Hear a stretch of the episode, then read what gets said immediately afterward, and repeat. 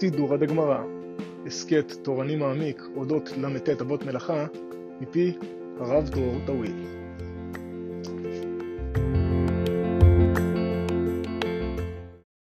טוב, אה, שלום וברכה. אנחנו במשנה בע"ג עמוד א' ראינו אחד מאבות המלאכות הוא הטוחן. עכשיו בואו ננסה קצת להבין מה זה התחינה הזאת, זה, במשנה זה כתוב תחינה בחיטים, אבל באופן פשוט, אבל גם תחינה בסממנים, זה מה שהיה כנראה במשכן. אה, מה זה בעצם לטחון? בואו ניקח את התחינה של החיטים, אני מדבר קודם כל מבחינת התיאור במציאות.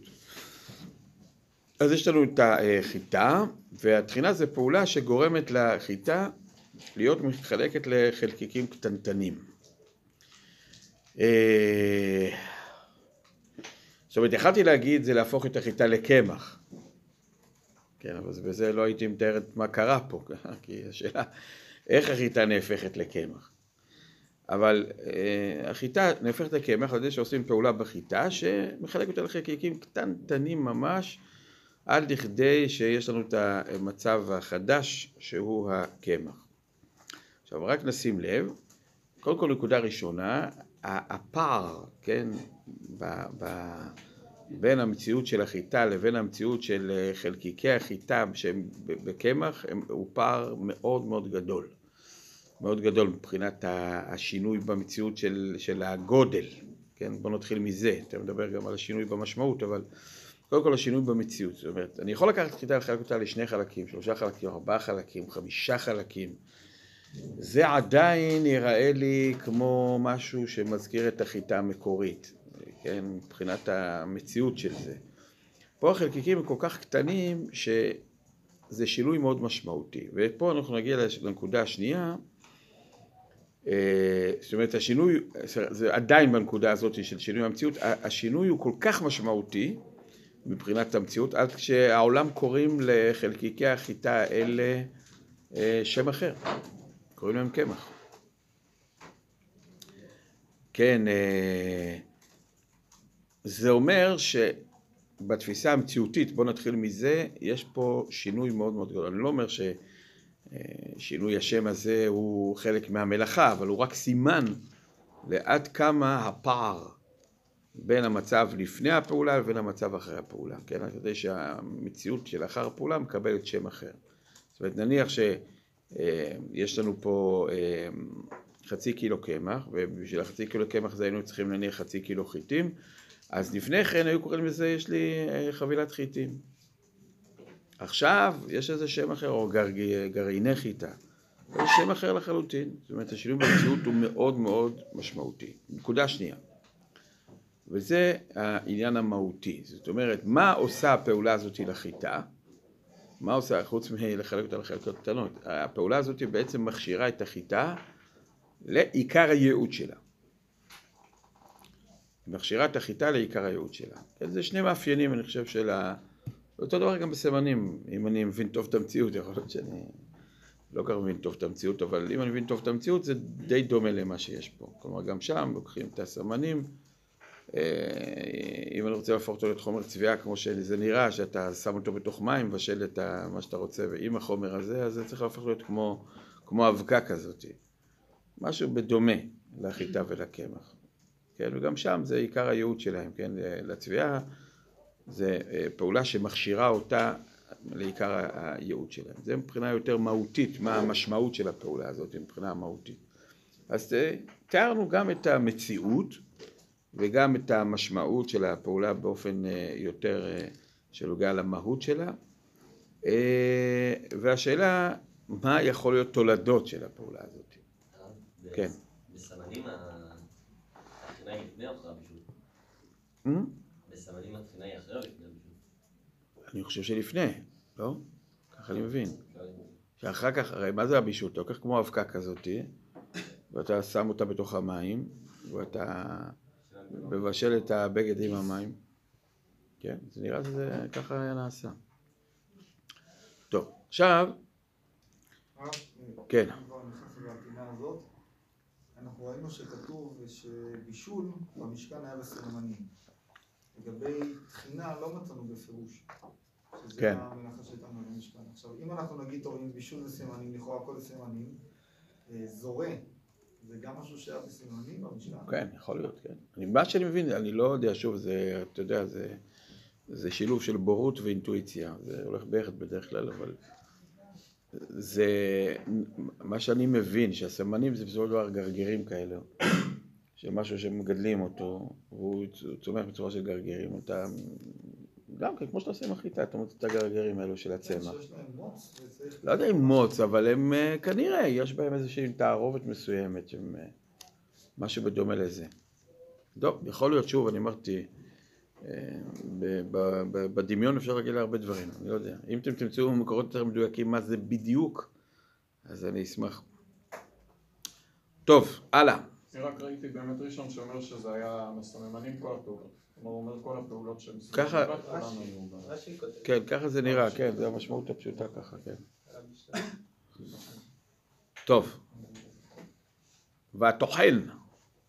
אנחנו עכשיו בגמרא בעין ד' עמוד ב'.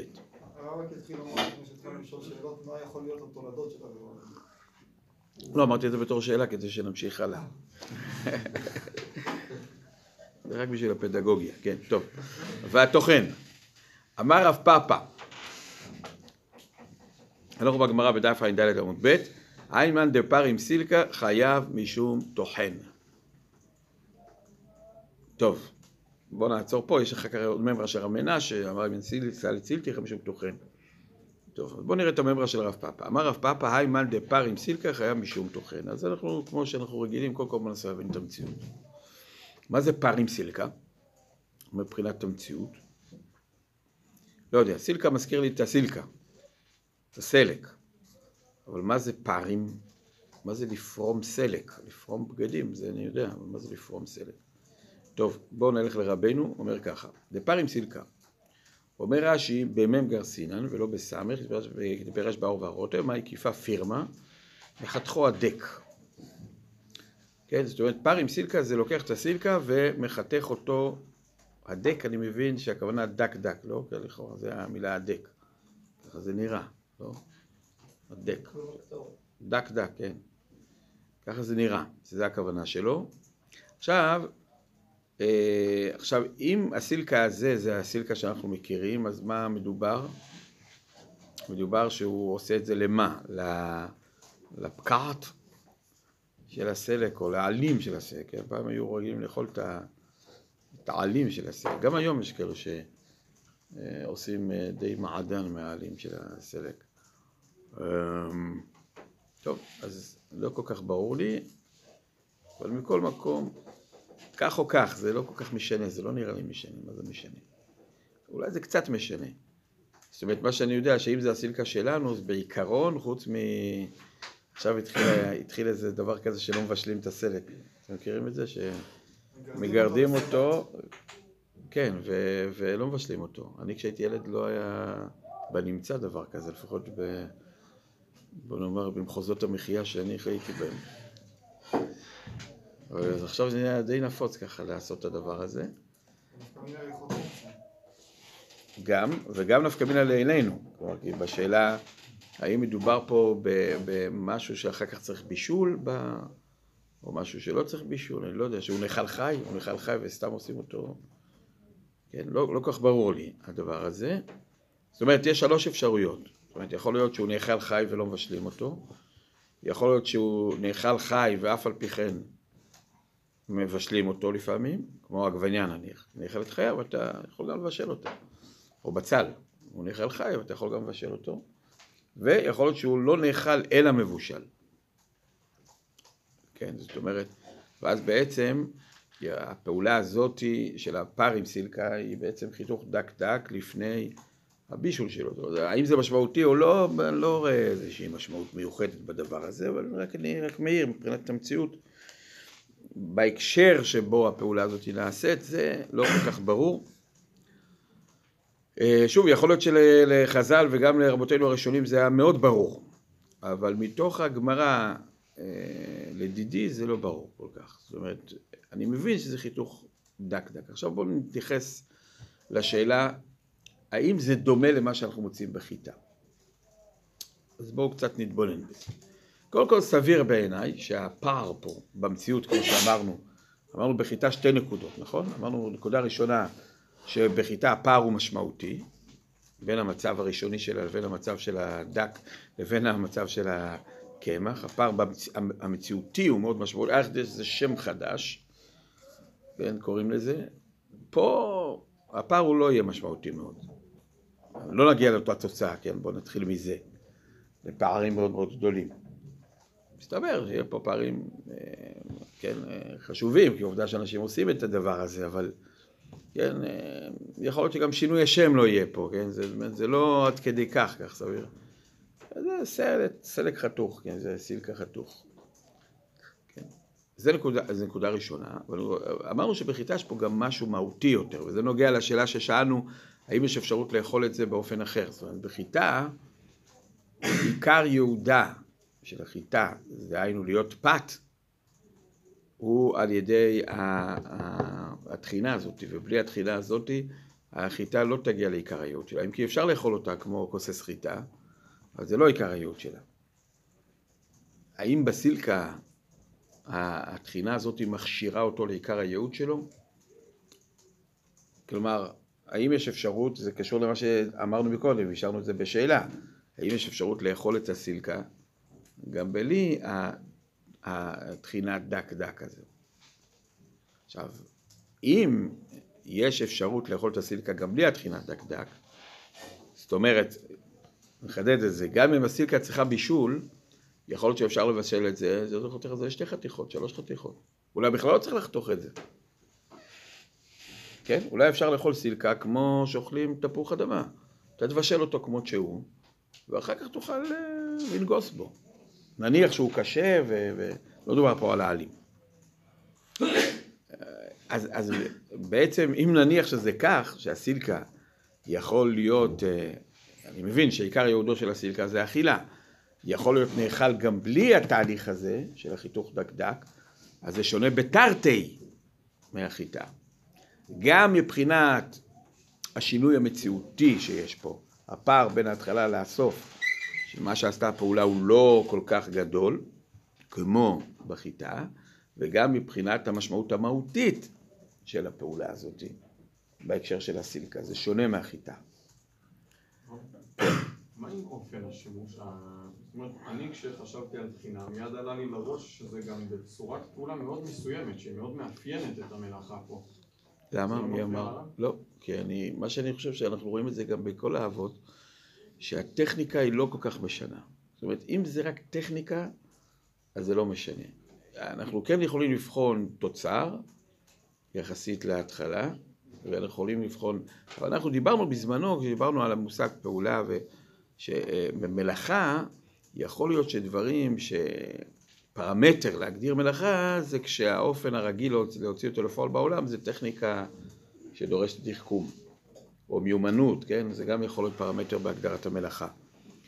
אבל זה ודאי לא, לא בהכרח, כן? כמו לדוגמה, אה, בישול, במשמעות של מה שמחייב בהלכות שבת, כן? לא להיות שף, כן? אבל מה שמחייב בהלכות שבת, דהיינו ריככתי חומר על ידי האש, הוא לא מצריך אה, יותר מאשר להיות ילד בגיל חמש בערך. ולשים משהו בתוך סיר ולשים את זה על גבי האש, וזהו, לא צריך שם יותר מדי. כן, ויש בוודאי פעולות ממש פשוטות. פשוטות גם מבחינת הטכניקה שלהם, כן, לא רק הוצאה, גם הפעולות שהן מלאכות, אז יש כתיבה ויש פעולות שמצריכות, אה, יכול להיות אפילו אה, מיומנות מיוחדת, רכישת אה, מיומנות, אבל יש פעולות ממש ממש פשוטות. עכשיו שוב, אני לא אמרתי עכשיו אני אשווה את הכל לבישול, יכול להיות שבישול זה ממש מלאכה, כי זה אש וזה זה, בקיצור, היא משמעותית. אני רק אומר, זה לא בהכרח משהו שהוא לעיכובה, הטכניקה הזאת. אז בטח אחרי שכבר יש לנו את המלאכה, בתולדות זה עוד יהיה עוד פחות משמעותי. זאת אומרת, כן יש אפשרות להבין שאני כן בוחן גם את הפרמטר של הפעולה הטכנית, האם היא משמעותית ומורכבת, כמשהו שהוא ערך מוסף לעניין פה, ולהגדיר את זה כמלאכה. ואחרי שהגדרתי מלאכה בתולדה, אני לא מצפה לגדולות ונצורות יותר מדי בהקשר הזה. לכן הפערים פה לא נראה לי שכרגע הם משמעותיים. מה ש... כן. בשונה אני חושב מהמלאכות הקודמות שראינו, פה זה אינטואיטיבית, אני חושב שזה מה שעולה לראש. אני צריך להגביל לי פעולת תחינה, ישר הייתי חושב על המעשה של פתישה, של מיוך. כן, אבל זה לא משנה כל כך, כי זה נוח לעשות את זה בצורה כזאת. לא יצויר שהיה אפשר לעשות את זה בצורה אחרת, אז זה עושה בצורה אחרת. לא נראה לי שזה משהו שהוא אה, קריטי. עכשיו, בחיטים, אה, אני לא יודע אם זה מיוך בכלל. כאילו, איך לקרוא לזה? איך לקרוא לפעולה הזאת? בסופו של דבר, מה? שבירה. זה סוג, זה סוג של שבירה כזאת, לא? זה, שביר, אופן זה שבירה ועוד שבירה. שבירה על ידי, אה, נקרא לזה, הפעלת משקל. משקל. בסדר, נכון. פעולה של סכין היא נשארת שונה מפעולה של... בסדר, בטכניקה, אבל אה, ב- בסופו של דבר, לו יצויר שיהיה לנו איזה משהו שעושה את זה עם סכינים, אנחנו לא... בסדר, כי מבחינה טכנית זה... לא נראה לי זה מהותי. אם נשים חיטים בבלנדר של סכינים ככה דק דק, זה יצא. כן, נכון. נראה לי, זה יצא כן, חיטים כן. גרוסות או שזה יצא קמח? אני לא יודע, תלוי באיזה בלנדר, אבל לנו יש... אה, אתם מכירים את הבלנדר של תבלינים? או שאתם אלו... אה, הדור שלכם, זה הכל קונים עם שקיות... אה, אבל בעיקרון, פעם, פעם, פעם, היו מביאים לבית. גם היום חובבי, ה... חובבי הטבע, הם מביאים לבית אה, חתיכות אה, שלמות של התבלינים. אני זוכר אצלנו זה תמיד היה, לפני פסח היה כזה דבר. אז זה היה בלנדר כזה, והוא הופך את זה לקמח. אתה מכניס משהו כזה כמו כדור, ופשוט הופך את זה להיות קמח. ממש ככה. אה, הוא מסתובב מאוד מה- מהר, זה לא כמו זה של בצק. מאוד מאוד מאוד מהר, והוא עושה את זה להיות קמח. כן, אתה צודק, זה האופן של חיתוך, זה לא מלאכה. טוב, בואו נמשיך הלאה. אז כבר אמרנו מה החידוש של רב פאפה במה שאמרנו. כבר אמרנו מה החידוש של רב פאפה במה שאמרנו, נכון? זאת אומרת, למה רב פאפה, מה הוא בא להגיד? נו, זה פשוט, מה זה ברור זה תולדה? לא, פשוט, יש פה תרתי דרעותא כנראה, או לפחות אחד דרעותא. הפער בין המצב הראשון למצב הסופי, זו הנקודה הראשונה, הוא לא משמעותי עד כדי כך כמו בחיטה. ואולי גם הבחינה השנייה שאמרנו, העניין המהותי, כמה זה נצרך להכשר הדבר לעיקר ייעודו, יכול להיות שפה זה לא כמו בחיטה. זאת אומרת, אפשר אולי להשתמש בסילקה באופנים אחרים, אולי בכלל לא, ל- אולי בכלל לא לחתוך אותו דק דק, וגם אם, אם תאמר אה, אה, שצריך לבשל אותו, אז עדיין יכול להיות שמספיק חיתוך לשני חלקים, שלושה, ארבעה חלקים, לא לח- אולי בכלל לא צריך לחלק אותו. בקיצור, יכול להיות שגם בהיבט המהותי, בכמה זה משמעותי לעניין עיקר השימוש בסילקה, זה שונה מאשר חיטה, ואז אפשר להבין למה הרב פאפה, כן, רואה צורך לומר לנו שבזה חייב משום אה, תוכן. טוב, בואו קצת נתייחס. מה? לא שואלת פשיטה כמו מקודם? כן. אחרות, כי זה לא פשיטה, זה חידוש. כן, זה ממש לא פשיטה. עכשיו, בואו נתקדם עכשיו לראות מה אומרים רבותינו הראשונים. זה אנחנו אומרים על פי, כן, מה שקראנו ברש"י, אבל נראה. אז רש"י, כמו שאמרנו, אומר פר עם סילקה, מחתכו הדק, כן? אפשר רק להבין אז למה בכל זאת אנחנו מכניסים את זה לתוכנו, גם מבחינת המציאות וגם מבחינת המשמעות כי זה? תמיד השאלה איפה יעבור הגבול. זאת אומרת, מתי אתה יכול להגדיר שהדבר הזה, תכף לך דוגמה. תיקח זריעה והשקיה. כל הכבוד להשקיה, זה מאוד מאוד שונה מאשר זריעה מבחינת המשמעות. אתה יכול להגיד זה רק משמר, זה רק, או תיקח הגסה יחסית לעיקר הבישול. עם כל הכבוד להגסה, אבל זה לא עיקר הבישול. על פי כן אנחנו רואים שיש פעולות שאנחנו רואים בהן מספיק קשר אל, ה... אל האב כדי לחשב תולדה שלהם. כן, אז שוב, כי אנחנו מבינים שהן פעולות חשובות, משמעותיות, אה, מספיק דומות בדמיון לאב. אני אמרתי כבר, אני התנצלתי כבר, לא רק במסכת הזאת, אה, אני חושב שסתם באופן כללי, תמיד שאלת הגבולות היא שאלה מסובכת. שאלת הגבולות. זאת אומרת, אתה מבין משהו ואתה מבין את הכיוון, אבל אתה אומר, מי אומר שפה יעבור הגבול בדמיון? הרי אתה יכול לשאול שאלה קצת בצורה יותר מתוחכמת. נניח שאני אחתוך את הסילקה לשישה חלקים. זה טוחן? תגידו לי לא. טוב, לשמונה? לא. לעשרים? כן. לשמונה עשרה? לא. איך קבעת ככה? איך החלטת שעובר הגבול? על זה נאמר, והעריכו ביראת השם. יש איזה סוג של אה, כליות שיועצות בעניינים האלה. אין לי הסבר לזה. אני יכול להבין את הכיוון, להגיד שאני מבין חד משמעית איפה יעבור הגבול, אני לא יודע באמת. ואני אומר סתם, גם לדינה זה דווקא מיני. אתם ראיתם גם בבית יוסף, עם כל קדושתו, הפער בין חתיכות קטנות לחתיכות גדולות ב- באתר, כן, אם לסמוך על זה או לא, אתה קורא את הבית יוסף, אתה לא בדיוק מבין מה, איפה, איפה יעבור הגבול. כן.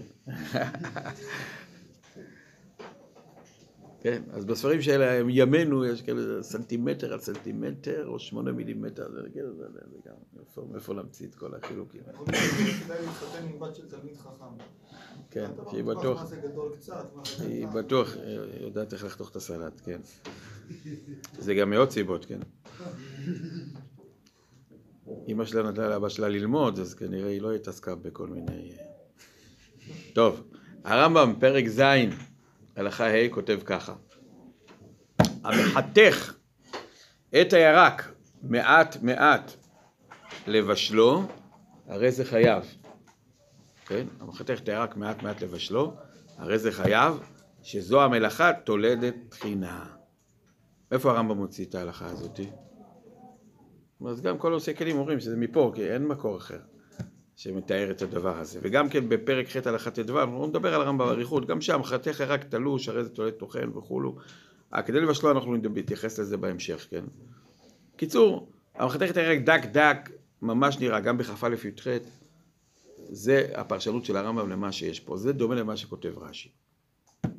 בואו נראה הרך. אומר הרך ככה, פירוש כאין קטישה ולא כאין חיתוך. חייב משום טוחן. השאלה, מה התכוון הרך כשהוא אמר כאין קטישה ולא כאין חיתוך? האם הוא התכוון לסוג של מעיכה כזאתי, שמועכים אותו? זה מה שהוא התכוון, וכש, ולא כאין חיתוך כי הוא, כי הוא סבור שכל אה, החיתוכים שאתה תעשה בסילקה לא, י, לא יגדירו שיש פה טחינה, זה, זה אפשרות. כן, אני מתלבט, אני רוצה להעלות כמה אפשרויות. זאת אומרת, יכול להיות שהוא חולק, כן, לא סביר בעיניי, כי בדרך כלל הרמב"ם אה, כן יתאים את עצמו לרך, אבל מכל מקום, אפשרות אחת להבין ברך, שהוא בדיוק חולק על מה שאמרנו מקודם, כלומר על הראשונים האלו שאמרו שמדובר בחיתוך דק דק, הוא אומר זה לא יהיה תוכן, אבל קטישה כן. עכשיו בואו ננסה קצת לפענח, אם נניח שזה מה שהוא התכוון. אה,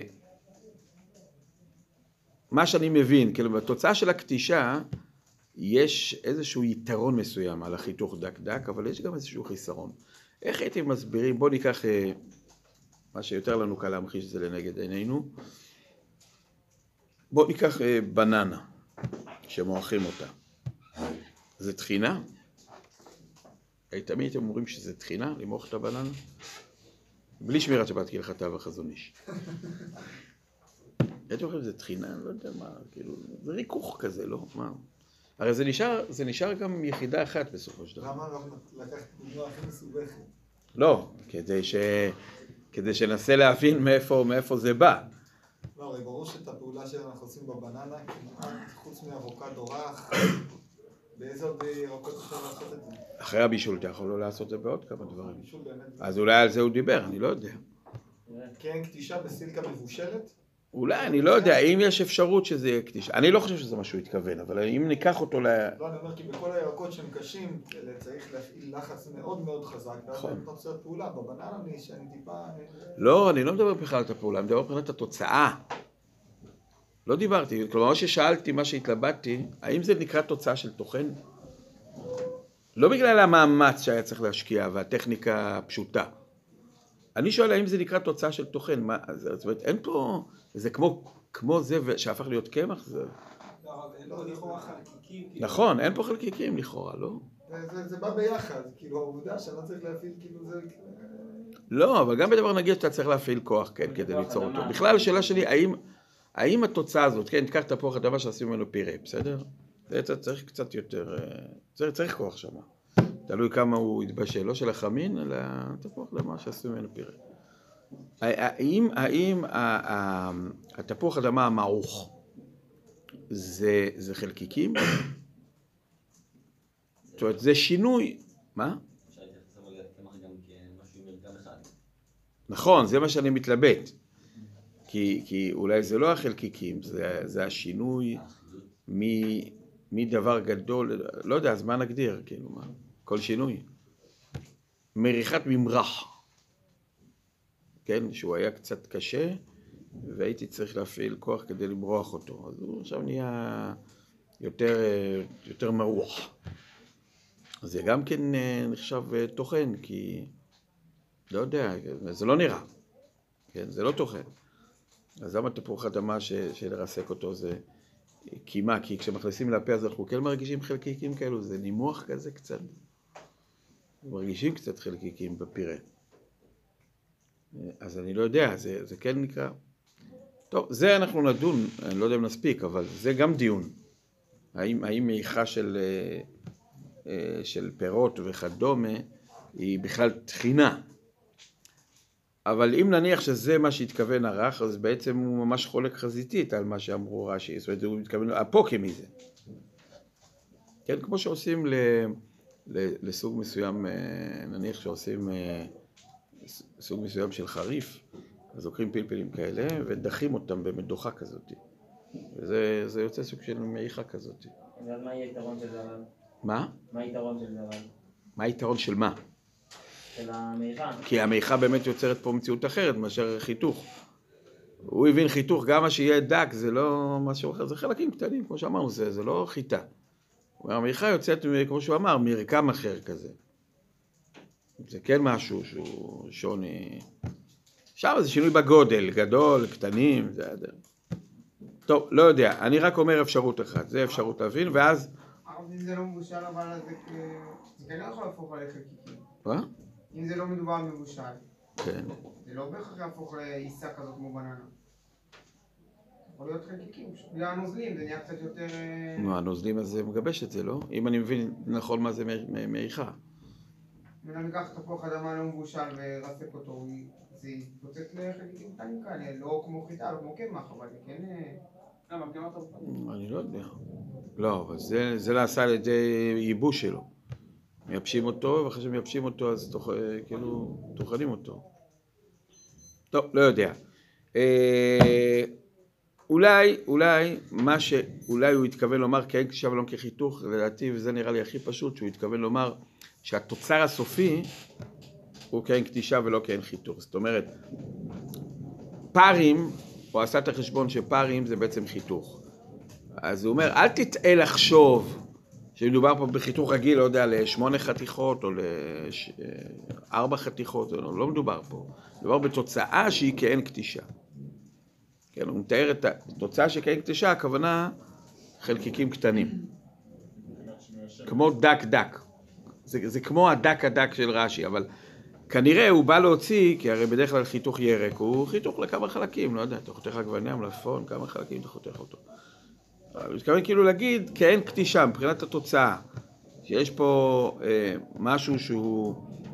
ואז לפי מה שאני חושב, הוא לא התכוון בכלל כאין קטישה הזאתי, הוא כאילו התכוון לומר כזה דבר. יש טחינת קמח ויש קטישת גרגירים של חיטה. כשאתה קוטש את גרגירי החיטה, כמו שהיה, אז אתה מחתך אותו לשניים, שלושה, ארבעה, חמישה חלקים קטנים, אז זה הכוונה, אין קטישה, הכוונה בתוצרים שהם חלקים קטנים, זה לא כאין חיתוך. זה נראה לי הכי פשוט להסביר בדבריו, ואז בעצם הוא לא יחלוק על מה שאמר, אה, מה שאמר רש"י. טוב, זו שיטה שנייה, תלוי איך מסבירים את הרך. הראש כותב ככה, כן?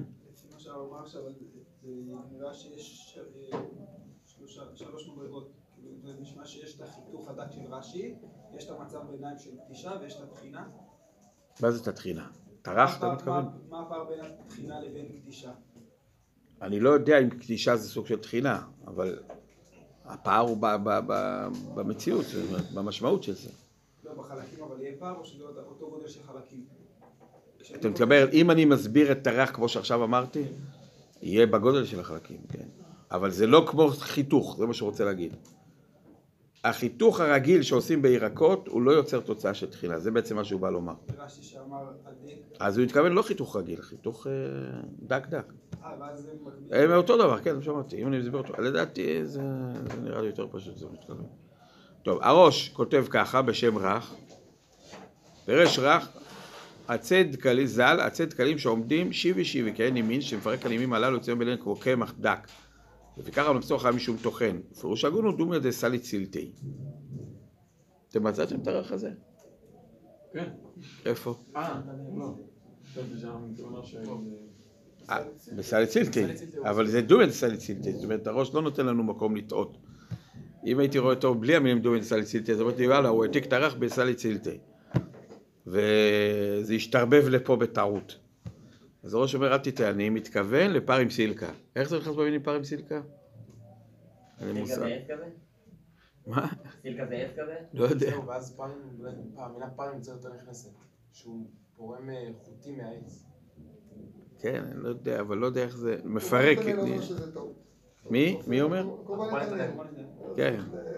מה זה טעות? טעות בהבנת תורה? לא- לא של הראש, כאילו- מה זה סילדה יש ראש? מראה ראש אה, פרק אה, רביעי, ביצה שכאילו רואים שהוא מתייחס לזה כסלק. סלק, כסילקה, כן. טוב, אז באמת אני רציתי להגיד לכם ש... טוב, אנחנו נתייחס למציאות הזאת כשנתייחס לסלית סילטי, אם בכלל דבר כזה אפשר לקרוא לו טוחן, כי לא ברור כל כך המציאות פה, מה זאת אומרת? זה, זה, החלקיקים האלו כבר היו שם? מה, מה אתה עושה? אתה כאילו... אתה, אתה מוציא את הזה, ואז אתה מגיע לאוצר של, ה, של החלקיקים האלה? או שאתה יוצר את החלקיקים האלה? לא יודע, אם אתה יוצר, אז אני יכול להבין, זה סוג של... אבל אם החלקיקים האלו קיימים, וזה רק דרך להגיע לחלקיקים האלו, אז אולי זה דומה לדש כזה, כמו לקלף את הקליפה ולהגיע למה שאתה רוצה. מה הקשר בזה אבן טוחן? כן, קמח בתוך שק, וקרעת את השק כדי להגיע לקמח, זה טוחן? מה, קמח קיים. ככה כותב. מה? ככה מאירי כותב, עשה לי. להקשות. זה לא הגיוני להגיד לקרוא כן, לזה תוכן. כן. טוב, אז אני לא יודע, הראש בו, לא, אין לי פשר את הדברים זה. בסוף הראש, כן, ששם הוא ממש תמה על רש"י, גם בלי מה ש... בלי שאני יודע מה הוא הסביר, אז זה אנחנו נתייחס לזה. כן, נכון. מזה, יוצא שהוא הבין שלא כמו שאנחנו אמרנו שהרח ורש"י יוצא אותו דבר. נכון, כנראה, כנראה הוא הבין משהו אחר, כן. טוב, אבל הראש בעצמו, לכאורה סותר עצמו, אבל תכף ניכנס עכשיו לשאלה אה, נוספת. עד כאן הסברנו את המציאות, קצת ראינו אולי יש את הפירוש של הרך, אני לא יודע אה, מה התכוון הראש בשם הרך. טוב, בואו נתקדם. אה, אני רוצה להתייחס להערה של התוספות. איימן דה פרים סילקה, אומרים התוספות, דווקא בסילקה שייך תחינה, אבל שאר אוכלין שערי. כן, התוספות בעצם עושים הבחנה בין סילקה לבין שאר אוכלים.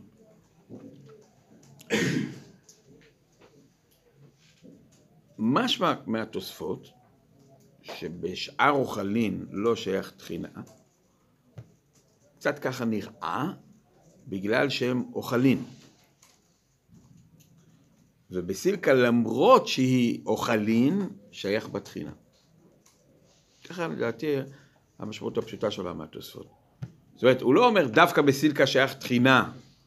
מה זה דווקא? תגיד, בסילקה שייך תחינה בגלל סיבה מסוימת. התוספות לא טורחים להסביר לנו מה הסיבה שלטעמם בסילקה יש תחינה.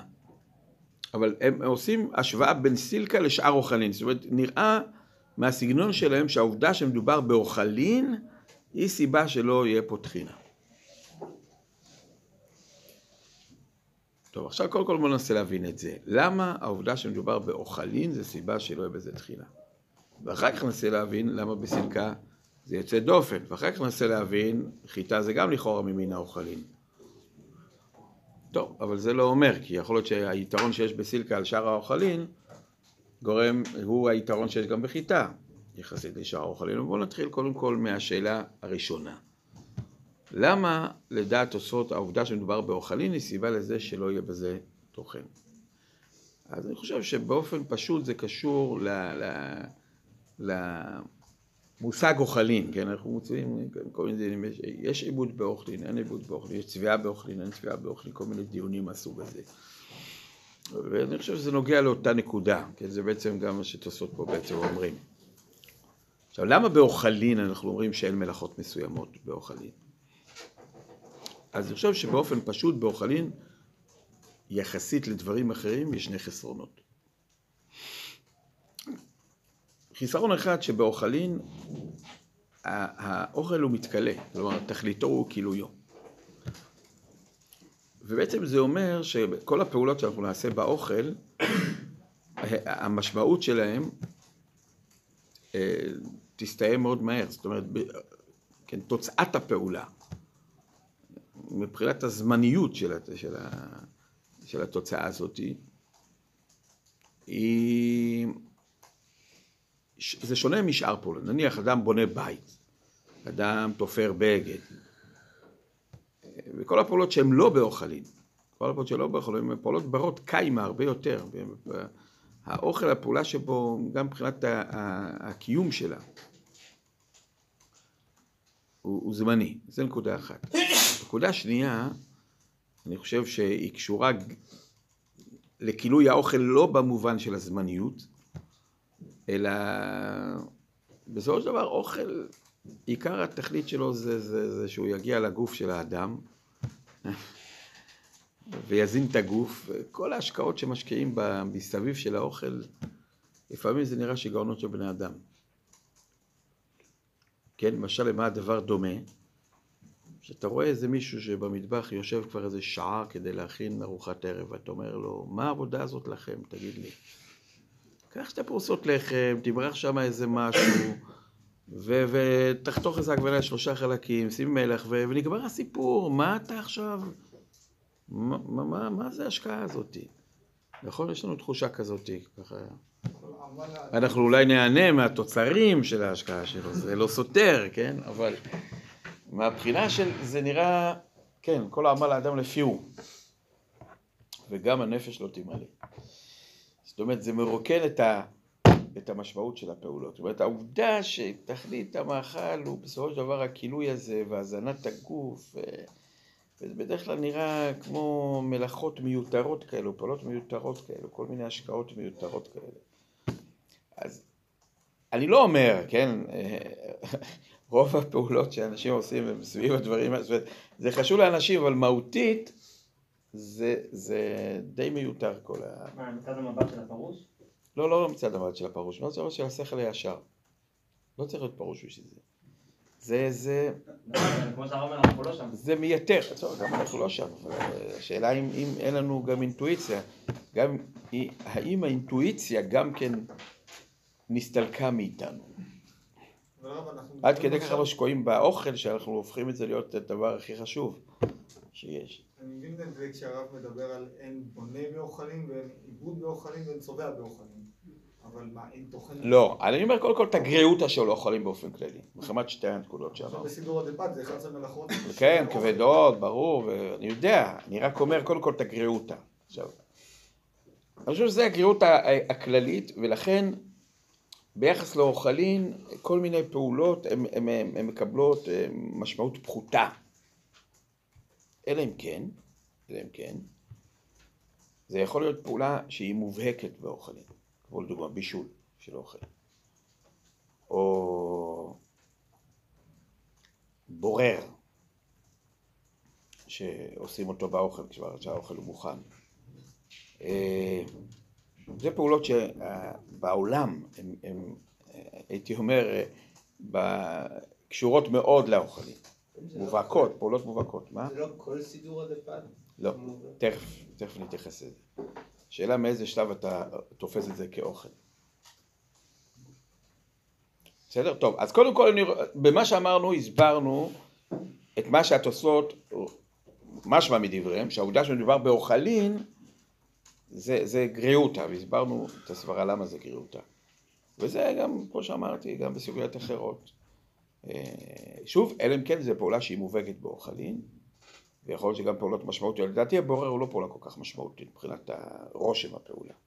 כן, זה לא בישול, כן, כמו שגמרא בעין ד', נכון, אמרה, מה אתה, לבשל לאלתר אתה מתיר, אתה לא מתיר.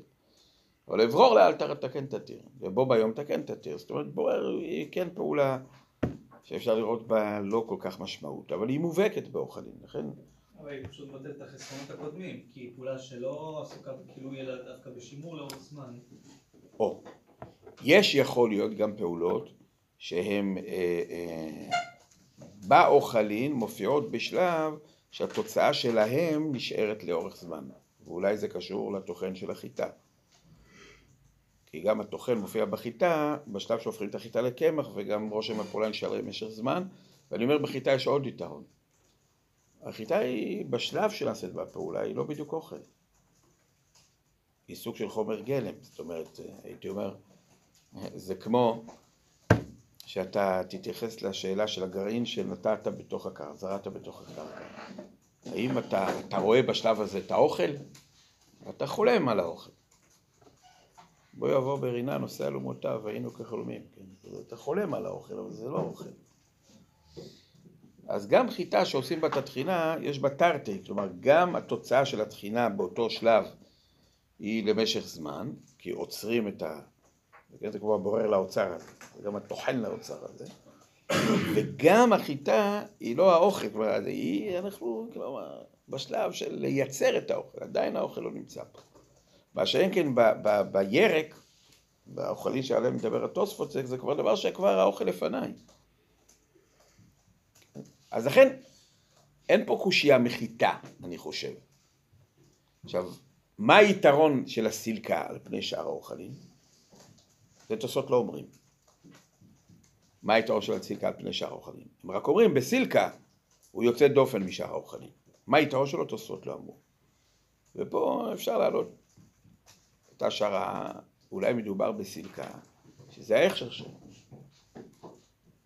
כן, זאת אומרת, אולי סילקה לא נאכל אלא על ידי התחינה הזאת. זה ההכשר שלו. זאת אומרת, לפי זה, אם יהיה לנו סילקה, זה הכוונה סילקה והדומה לו, כן? ברור שתעשו לא דווקא סילקה. אם יהיה לנו איזשהו פרי שזה יהיה ההכשר שלו, אז יכול להיות זה כך, יש ריטווה, ככה אני הייתי מסביר בתוספות. זאת אומרת, תוספות אומרים ככה, עצם זה שמדובר באוכלין, זה, זה, זה הופך את הפעולות להיות לא משמעותיות. זה עיקרון כללי. אלא אם כן, זה כן מקבל איזושהי משמעות. כן, מעבר לזה שנעשתה פה פעולה שהיא דומה למה שהיה במשכן, זה לא מספיק, כי זה אוכלים. אבל אם יש פה כן איזשהו ערך מוסף,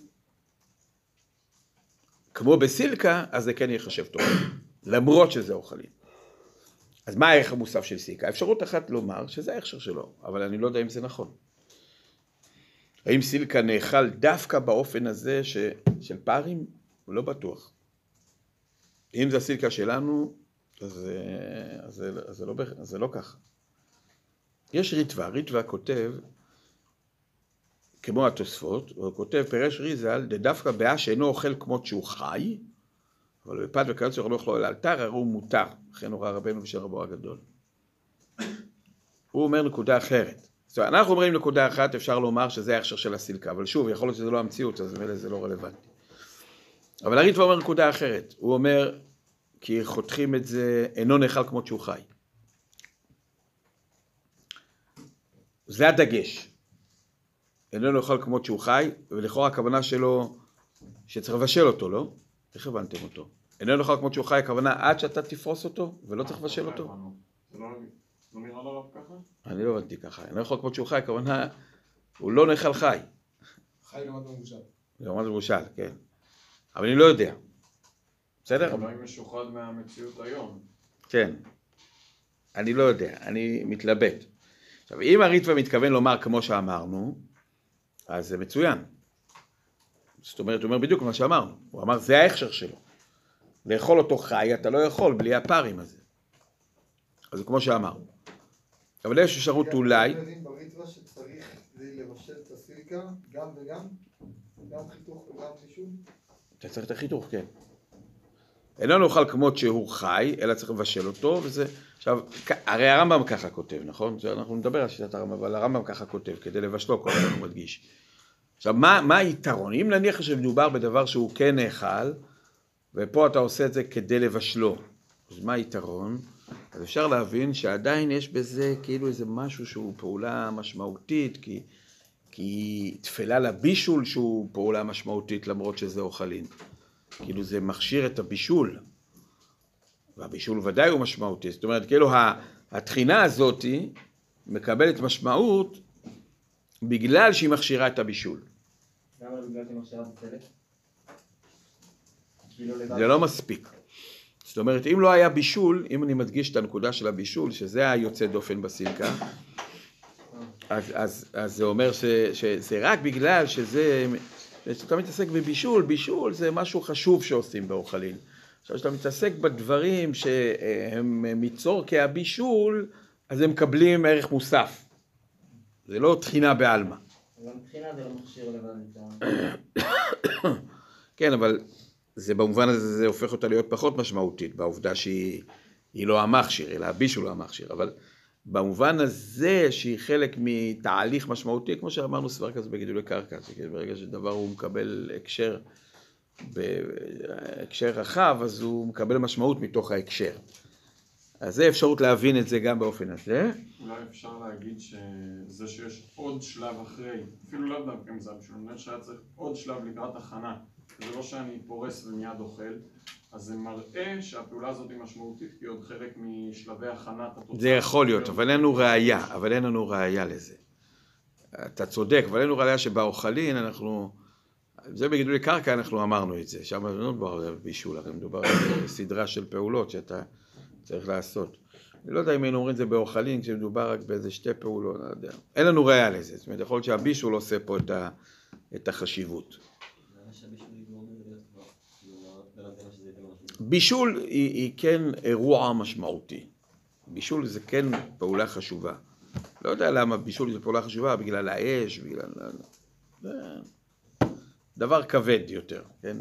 עכשיו, כשאתה עושה פעולה שהיא חלק מהבישול הזה, היא גם מקבלת את המ- את המשמעות. היא לא מקבלת את המשמעות כמבשל, כי אתה לא מבשל, אבל בהקשר שבו היא נעשית, היא מקבלת ערך מוסף בגלל זה. אפשרות נוספת, זה כבר שלישית, אנחנו מוצאים בתוספות ראש, כותב את הלשון הזו. הוא אומר, על הסילקה הוא אומר דרכו בכך. הוסיף שתי מילים. דווקא בסילקה שדרכו בכך. דרכו בכך, אני חושב שזה קשור למה שדיברנו בזמנו, על מה שרש"י אמר על הזיתים והענבים, שדרכו בכך. הכוונה היא, העובדה שהעולם רגילים לעשות את הפעולה הזאתי, ביחס לאוכל הזה, כן? זאת אומרת, זה, שזה דרך לעשות את זה, זה, זה נותן חשיבות לפעולה. העובדה שבני אדם רגילים לעשות את זה, זה עצמו נותן לזה חשיבות. זאת אומרת שזה נחשב אצל בני אדם. מחשב אל הפעולה הזאת, למרות שמדובר באוכלים. זאת אומרת, לפי זה יוצא שכל מיני פעולות שאנחנו לא רואים אותן, זאת אומרת, שהעובדה שזה נעשה באוכלים זה, זה, זה הופך אותן להיות לא כל כך משמעותיות, אבל אם יהיה דרכו בכך, אז כלומר, אם העולם רגילים, אז אה, זה אומר שזה חשוב לבני אדם, וזה מה שגורם לנו להגדיר את הפעולות האלו כמלאכה. במהמר ברמב"ם לגבי מקבץ דבלים ומחברת אה, בחוט, אמרנו שיכול להיות שזה דווקא שם, כי שם זה נתפס כחלק עוד מההכנה, זה עוד לא מוכן. נכון. אפשר להגיד כאן סברה כזאת? כלומר שאם כולם זאת? רגילים לעשות ככה, זה עוד חלק מההכנה, זה נותן משמעות.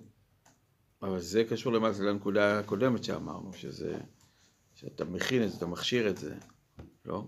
כן, למה הרב לא הולך לכיוון כזה? אמרנו, כי גמרנו את זה כבר קודם. אה, בראש לא חושב. כן, שהנקודה של הדרכו בכך, זה בגלל שזה... לא נראה לי, זה נראה לי שזה היה צריך להגיד יותר פשוט. שאינו נאכל אלא על ידי זה. הוא לא אומר את המילים האלו. לא? דרכו בכך זה אינו נאכל על ידי זה? לא יודע. לא, לא ש... זאת אומרת, ככה, יכול להיות. שיש אפשרות טכנית לאכול. נראה לי שהדרכו- נגיד בבישול אוכלים בלי זה. הדרכו זה החשיבות של זה. עצם זה שהעולם אה, רגילים, זה נראה שזה שזה דרכו, אז זה, זה, זה, זה מחשיב את הפעולה. יש תרומת הדשן, אני חושב שהוא אומר דברים דומים, הוא אומר, יש לומר, ככה הוא מסביר בתוספות, ב- בנ"ו, הוא אומר ככה, בתשובה נ"ו, הוא כותב, דש לומר גבי אוכלין לא שייך תחינה, אלא מידי דאוכל לטחון. כגון תחינת חיטים אוסרים בחיי גבנה, השאר אוכלין לא, וכן כתבו התוספות וכולו. ככה הוא מסביר בתוספות, הוא מביא את התוספות האלו. הוא ממש אומר את הלשון הזאת, אלא מידי דאוכל לטחון, כגון תחילת חיטין אוסרים בחיי גבנה. דבר שדרכו לטחון אותו, וזה דומה לתחילת חיטים וסוהרים. למרות שברור שלחיטים יש יתרון על הסילקה. יש יתרון על הסילקה, ולכן כמו שהסברנו, כן, יש את היתרונות האלו שאמרנו ביחס לסילקה. אבל זה נראה שהנקודה בסילקה זה זה שדרך העולם לעשות את זה, נראה שזה מחשיב את הפעולה. אם כן, יוצא שביחס לשוני בין סילקה לשאר אוכלים, אנחנו מציעים שלוש דרכים. כן, דרך אחת לומר שהכשרו בכך, זה מה שמכשיר אותו, והוא לא נאכל באופן אחר, אז זה הופך את הפעולה להיות חשובה יותר, למרות שמדובר באוכלין. אולי זה הריטווה. אפשרות שנייה לומר בסגנון הרמב"ם, ואולי זה הריטווה, זאת אומרת לומר שזה אה, חלק מתהליך, כן, אה, הדגשנו את הבישול, כן, זה מה שיש במציאות פה, זה הכדי לבשלו הזה של הרמב"ם, ויכול להיות שזה מה שתעשו, עושים את ההבחנה. והנקודה השלישית, הדרכו בכך. זאת אומרת, זה שזה חשוב לבני אדם, זה עצמו נותן איזה משמעות וחשיבות, למרות שמדובר באוכלין. עכשיו, כל זה בסילקה והדומה לו. לחיטה, ודאי שיש יתרון על הסילקה. למה?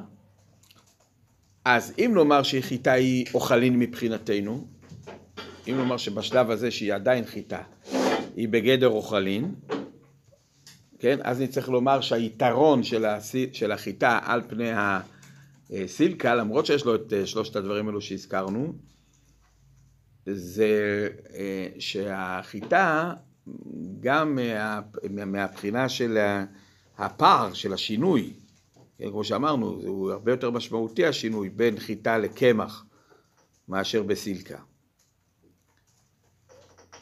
כן, וגם מבחינת אה, אה, עיקר ייעודו, הוא דווקא באופן הזה. אז אם נניח שבסילקה זה לא רק, זה לא הכשרו בכך, זאת אומרת יש אפשרות אחרת גם ביחס לסילקה, כן, כמו אפשרויות אחרות שהזכרנו, אז בחיטה יש את שני היתרונות, אבל היתרון הראשון ודאי קיים ביחס לחיטה, כן, במובן של איכות השינוי בין המצב הראשוני למצב הסופי. לכן בחיטה זה פשיטה.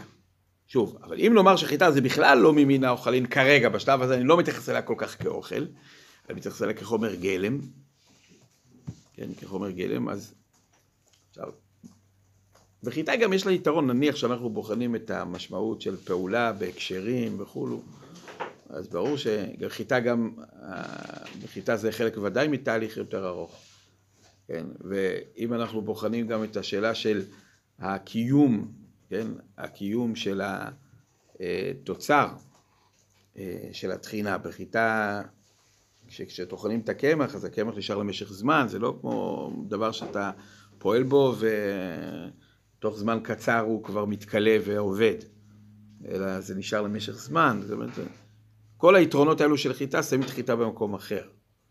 ולכן הוא צריך רב פאפה לחדש לגבי פר עם סיליקה. בסדר? אלו הדברים, ככה אנחנו אומרים ביחס לדברים של התוספות. אבל בעוד שכך סוברים התוספות, יש ראשונים אחרים, והם רבים. אני אקרא לכם את האור זרוע, הוא כותב, אילקח הלכה למעשה יש תחינה בפירות. ככה הוא כותב ביחס לפרים סילקה. וצריך אדם להיזהר שלא יפרר אותם פירורים דקים, לפרר הלחם מותר, מאחר שנטחן שלא מוציא טוחן אחר טוחן. זאת אומרת, בלחם הוא מוצא סיבה, כי זה טוחן אחר טוחן. אבל לולי זה, גם אם הלחם הוא מוכן לאכילה והוא ראוי לאכילה, הוא היה אומר ששייך בו טוחן. לולי טוחן אחר טוחן. זאת אומרת, מפה רואים שהוא הבין שאוכל גם שהוא ראוי להיות נאכל, בעיקרון שייך בו טוחן. הוא לא רואה פה איזשהו חיסרון מעצם העובדה שמדובר באוכלים. כך אנחנו מוצאים בעוד ראשונים, ירא עם רשב"ם, ר"ן, הר"ן על הריף, כך נראה משמעות הרשב"א בשו"ת, ועוד, כן? זה לא שו"ת הר"ן, זה הר"ן בדף ל"ב עמוד א', אמר רב פאפא, על הסוגיה אצלנו. הוא הביא את העניין הזה שתחינה ב... אבל הוא ציטט שם אחרים. הוא ציטט, אבל הוא לא כתב לחלוק על זה. טוב, בואו נתקדם. זה דעה שנייה. דעה שלישית זה הראש. בסימן קטן הוא כותב לחלוק על רש"י. הוא כותב ככה. ומה שפירש רש"י, דפר עם סילקה שמחתך רחקות דק דק, פירוש תמוהו, דבר שהוא אוכל ומחתך אותו דק דק, אין שייך בתחינה. כן? מהראש קודם כל נראה שהוא מבין שבסילקה הזה שרש"י הביא, יש תרתי לרעותה. הוא אומר דבר שהוא אוכל, הוא מחתך אותו דק דק, אין שייך בתחינה. נראה שכאילו, יש פה שני חסרונות. אחד הוא כאילו טוען, קודם כל זה אוכל. מה שאמרנו בשם התוספות, שעצם העובדה שמדובר באוכלין זה כבר מגרע את הפעולות שנעשות באוכלין, וגם הוא מדגיש, הוא מחתך אותו דק דק. נכון? זאת אומרת, כאילו הוא רוצה ל- ל- ל- בעצם לומר חיתוך דק דק, זה לא תחינה.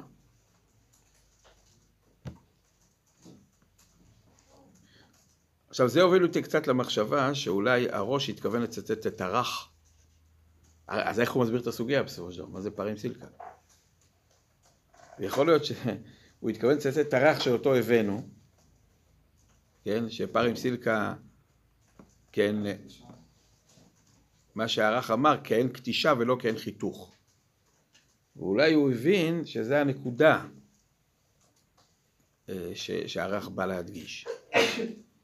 זאת אומרת, הראש שולל את רש"י, הוא אומר דבר שהוא אוכל ולחתך אותו דק דק בתרתי לרעותה הזה, ברור שלא שייך תוכן.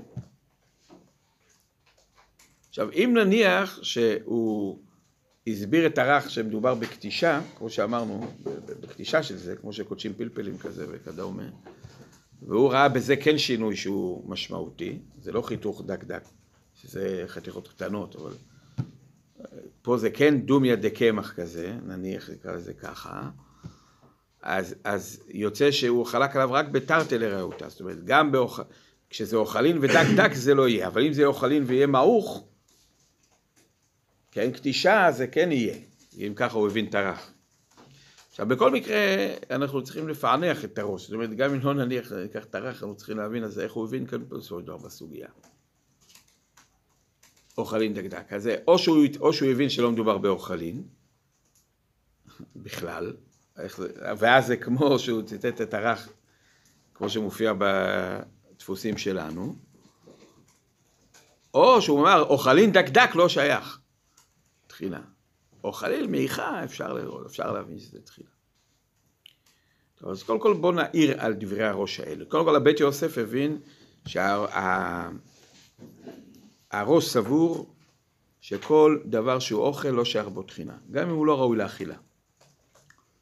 זאת אומרת, לא כמו החילוק של תוספות שהוא מחריג את, ה, את הסילקה משאר האוכלין, הוא סבור שאין אין אוכלים חריגים בהקשר הזה. טוב, עכשיו, מה נעשה עם חיטה, לפי זה? אז צריך לומר שבחיטה, או שהיא לא אוכל, בשלב הזה אני לא רואה אותה קורה, כמו שאמרנו, זה כמו שאתה רואה את השיבולת, אתה לא רואה באוכל. כן, היא חומר גלם, נקרא לזה ככה. כן, או שכמו שאמרנו, אין בה את החיסרון של אוכלין, כי התוצר של התחינה הזאת זה הקמח, והוא נשאר למשך זמן. וקמח ודאי הוא נתפס כחומר גלם, כן? גם אם אתה יכול לאכל כמות שהיא, הקמח לא יכול לאכל כמות שהיא. טוב, אז זה קודם כל ביחס לזה. ואני רוצה להתייחס, יש ראש בביצה. בסימן קטן כ"א, בפרק ראשון, שהוא מדבר על טחינה בפלפלין. מי שטוחן פלפלין או תבלין, חייב משום טוחן. אז איך אפשר להבין את זה? הרי זה אוכלין. אלא אם כן נאמר שהוא תפס שפלפלין או תבלינים, דברים מהסוג הזה שהם באים רק לתת טעם והם לא הדבר הנאכל, לא עיקר האוכל, הם לא ממש אוכלים.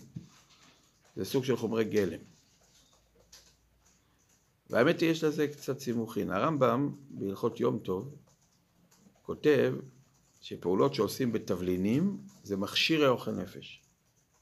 ואז הוא אומר שביחס אליהם יש את ההגבלה האם אפשר היה לעשות מערב יום טוב או אי אפשר לעשות מערב יום טוב. לעומת אוכל נפש הוא סבור שאין את ההגבלה הזאת, לא כתוספות ועוד ראשונים. אז באוכל נפש גם יכלת לעשות מערב יום טוב, מותר לעשות ביום טוב. אבל בתבלינים, רק אם לא יכלת לעשות מערב יום טוב. כלומר, תבלינים נתפסים כמכשירי אוכל נפש. זה לא האוכל עצמו. זה כמו חומרי גלם כזה. אז אתה מתעסק בייצור חומרי גלם. זה לא האוכלין, שביחס אליהם הפעולות, כמו שאמרנו, מקבלות משמעות פחותה. אז כך אנחנו רוצים ליישב את הראש בשתי השאלות שאנחנו שואלים. זאת אומרת, לפי מה שאנחנו אומרים יוצא ככה, שיש לנו בינתיים שלוש שיטות אצל רבותינו הראשונים, מסדר אותם. האור זרוע וסיעתו סוברים שיש תחינה באוכלין גם אם האוכלים ראויים לאכילה, כמו לחם וכדומה. לולי טוחן אחר טוחן, אבל בעיקרון יש בהם תחינה. התוספות וסיעתם סוברים שבעיקרון אין תחינה באוכלין, אלא אם כן זה דומיה דה סילקה. בגלל היתרונות של הסילקה שהזכרנו. הראש סבור שאין תחינה באוכלין בכלל.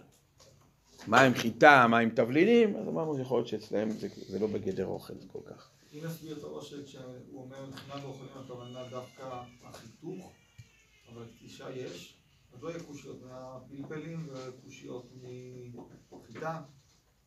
לא יהיה קושיות, כן, לא יהיה קושה מחיטה ופלפלים. אני לא יודע מה לגבי התבלינים. זה יכול להיות גם קטישה כזאת, כן, למרות ש... לא, השאלה אז מה הנקודה? הפעולה הטכנית, כאילו, זה לא חיתוך, זה קטישה?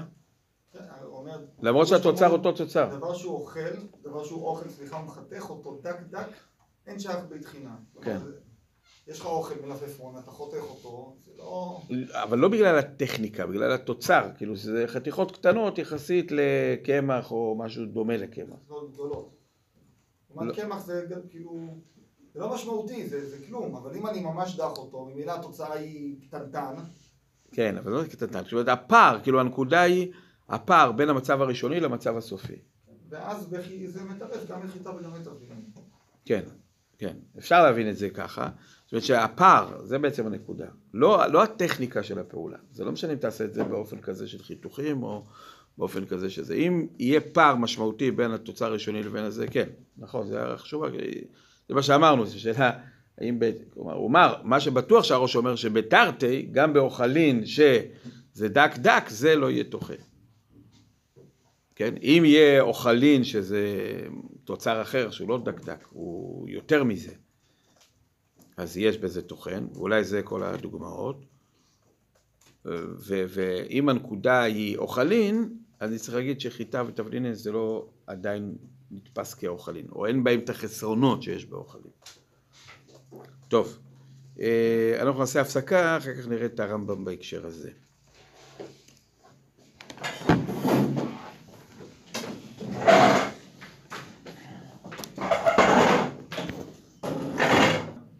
של, של הסילקה, כלומר מה, מה המאפיינים של הסילקה. אז מאפיין אחד זה שהוא אה, ירק, ואתה עושה זה כדי לבשל אותו. אה, האם זה דווקא ירק ולא אה, דברים אחרים וכולו. אם אתה רואה בירקות איזשהו יתרון, נניח היתרון שאמר התוספות ראש, שהדרך של בני אדם לעשות את זה, יכול להיות זה דווקא בירקות ולא בפירות. אז לכן הוא הזכיר את, ה, את הירק. אה, כן, עכשיו תכף נראה, יכול להיות זה לאו דווקא ירק, הוא מביא את זה רק עכשיו כרגע, כי זו הדוגמה שהוא נוקט, אבל הנה, בפרק ח' הלכה ט"ו, הוא כותב ככה, טוחן כגורר את חייו, וכל השוחק תבלין וסמנים ומחתש הרי זה טוחן וחייו, כן, המחתך ירק תלוש, הרי זה תולדת טוחן, כן, פה הוא לא הדגיש את הדק דק, כן, הוא גם לא, הוא לא, לא אמר את המעט מעט, כן, שהוא אמר אותו בפרק ז', אלא הוא רק רצה לומר, מחתך רק תלוש אחרי זה טוחן. עכשיו זה, הסיבה לזה, כי זה ההבדל בין פרק ז' לפרק ח'. בפרק ז' המטרה שלו הייתה יותר להמחיש את הקשר בין האב לתולדה. ולכן כדי להסביר למה מי שמחתך את הירק, כן, הוא נחשב טוחן, אז הוא הדגיש את המעט מעט, כן, כדי שיהיה איזה דמיון לתחינה. זה בעיקר מה שהוא בא להראות פרק ז'. פרק ח' הוא יותר בא להראות את ההלכות למעשה. פחות נוגע לתיאור המדויק, אבל ברור שהוא מתכוון, כן, למחתך ירק דק דק. למה? כי קודם כל זה מה שהוא כתב בפרק הקודם, מעט מעט, באופן פשוט, זה לא הכוונה בכמות, כי מה זה משנה אם אתה עושה את זה מעט מעט או אתה עושה את זה בכמות גדולה. כן, מסבר שהוא התכוון לתוצר, אלא גם בפרק כ"א, הלכו י"ח הוא כותב מפורש. המחתך את הירק דק דק כדי לבשלו, חוזר בדיוק את אותו דבר, הרי זה תולדת, טוחן וחייב. כן, פה הוא כותב מפורש, דק דק כדי לבשלו, הרי זה תולדת, טוחן וחייב. אז הוא הוריד כאן שני מרכיבים מאוד מאוד חשובים שבלעדם אין חיוב בכלל, גם דק דק וגם כדי לבשלו. נכון, אבל שוב, השאלה מה המטרה שלו בהקשר של הפרק הזה, של פרק ח'. אני חושב שבעיקר המטרה שלו זה להראות איזה הלכה למעשה, איזה פעולות הן אסורות מדאורייתא כתולדות של אותו אב. זאת אומרת, פרק ז' הוא ממחיש את המושג אב ותולדה. פרק ח' הוא כותב הלכה למעשה, זה פעולות אה, נחשבות אב, הוא לדעתי הרשה לעצמו לדלג על הפרטים האלה כי הוא כתב אותם בפרק הקודם. פעם קודמת הרב אמר, משה זוכר, שכאן הוא מדבר על שיעורים, ולכן הוא לא נכנס לפרטים. טוחן כגוגרת חייו, ואז הוא אומר איזה דברים הם עוד כגוגרת, מה, אתה נושא רצים או אשף לשון של מתכת, זה כל שיעור. כן, ואז אבל... יותר ברור לי למה הוא, כי אם אני כמו שהרב אמר עכשיו על מה חייב ומה פטור, הרי לא חייב על מי שחותך ירק תלוש. תלוש, נכון. נכון. אבל... אני לא רציתי להיכנס לזה עכשיו, לאפשרות הזאת, כי אפשר לפרש הטוחן כגורגרת חייו, אה, כי הכוונה היא טוחן, כשהוא אומר סתם טוחן, הכוונה בחיטה. הטוחן כגרוגרת בחיטה חייב. וכל השוחק כתבים וסמנים במכתשת, הרי זה טוחן וחייב, זה אולי לאו דווקא בגרוגרת. השאלה מה זה הטוחן כגרוגרת? האם טוחן כגרוגרת הכוונה זה השיעור של מלאכת הטוחן? הטוחן כאב כגרוגרת חייב, וזה השיעור, כן? אבל זה לא בהכרח להסביר ככה. יכול להיות שהטוחן זה הכוונה טוחן חיטים. אבל אז יוצא שהדברים האמצעיים, הוא לא כתב מה השיעור השיעור שלהם, נכון, ואז בכלל הוא לא התייחס פה לשיעור, הוא התייחס יותר לשאלה של אב ותולדה. נושא רצים, שוב לשון של מתכת כלשהו, חתך עצים כדי לבשל כגוגרת מביצה. ואני חושב שהדברים באמצע פשוט שהוא נעלם. נכון. נכון. אולי דווקא טוחן שבו אוכלים, אמרנו טיפול בשיעור של משהו שתמיד... אה, לא, סמנים זה לא אוכלים. רואים גם את הסמנים. טוב, הלאה, בוא נעבור. כ"א, כן, זה אפשרות קיצור, אבל זה גם לא הכי פשוטה, אבל אולי אתה צודק, זה יותר פשוט. פרק כ"א י"ח המחתך את הירק טק טק כדי לבשלו אחרי זה תולד תוכן וחיה. פה הוא כותב את הדברים, כן, בפרק כ"א הוא כותב גם את הדרבננים, את השבותים. הוא כותב לפיכך אין מרסקין לא את השחת ולא את החרובים לפני בהמה בין דקה בין גסה מפני שנראה כטוחן. מה זה נראה כטוחן? לכאורה זה רק דרבנן, לא? מה זה נראה כטוחן? דרבנן ככה משמע, לא? כן, הוא גם לא אומר הרי זה חייב. הוא אומר אין מרסקין, אומרת משמע שזה רק לכתחילה, אסור לעשות את זה. למה הוא עוד פעם מביא את ההלכות האלה? לא, כי כל פעם זה מהקשר אחר. פה ההקשר זה הדרבננים, אז הוא מתחיל מהדאורייתא, ואז מראה איך מהדאורייתא הזה השתלשלו כל מיני שבותים מדרבנן. הוא עושה את זה לא מעט פעמים שם בפרקים האלו, הכ"א ו... כ"א. אבל מחתכין את הדלוין לפני הבהמה ואת הנבלה לפני הכלבים שאין תחינה בפירות. למה דלועים זה פרי? חוץ מזה נבלה, למה זה, זה פרי זה? טוב. אה, בהלכה כ' הוא כותב, הצריך לדוק פלפלין וכיוצא בהם ליתן לתוך המאכל בשבת, הרי זה קוטש ביד הסכין ובקריו ומכתש את חייו מפני שהוא טוחן.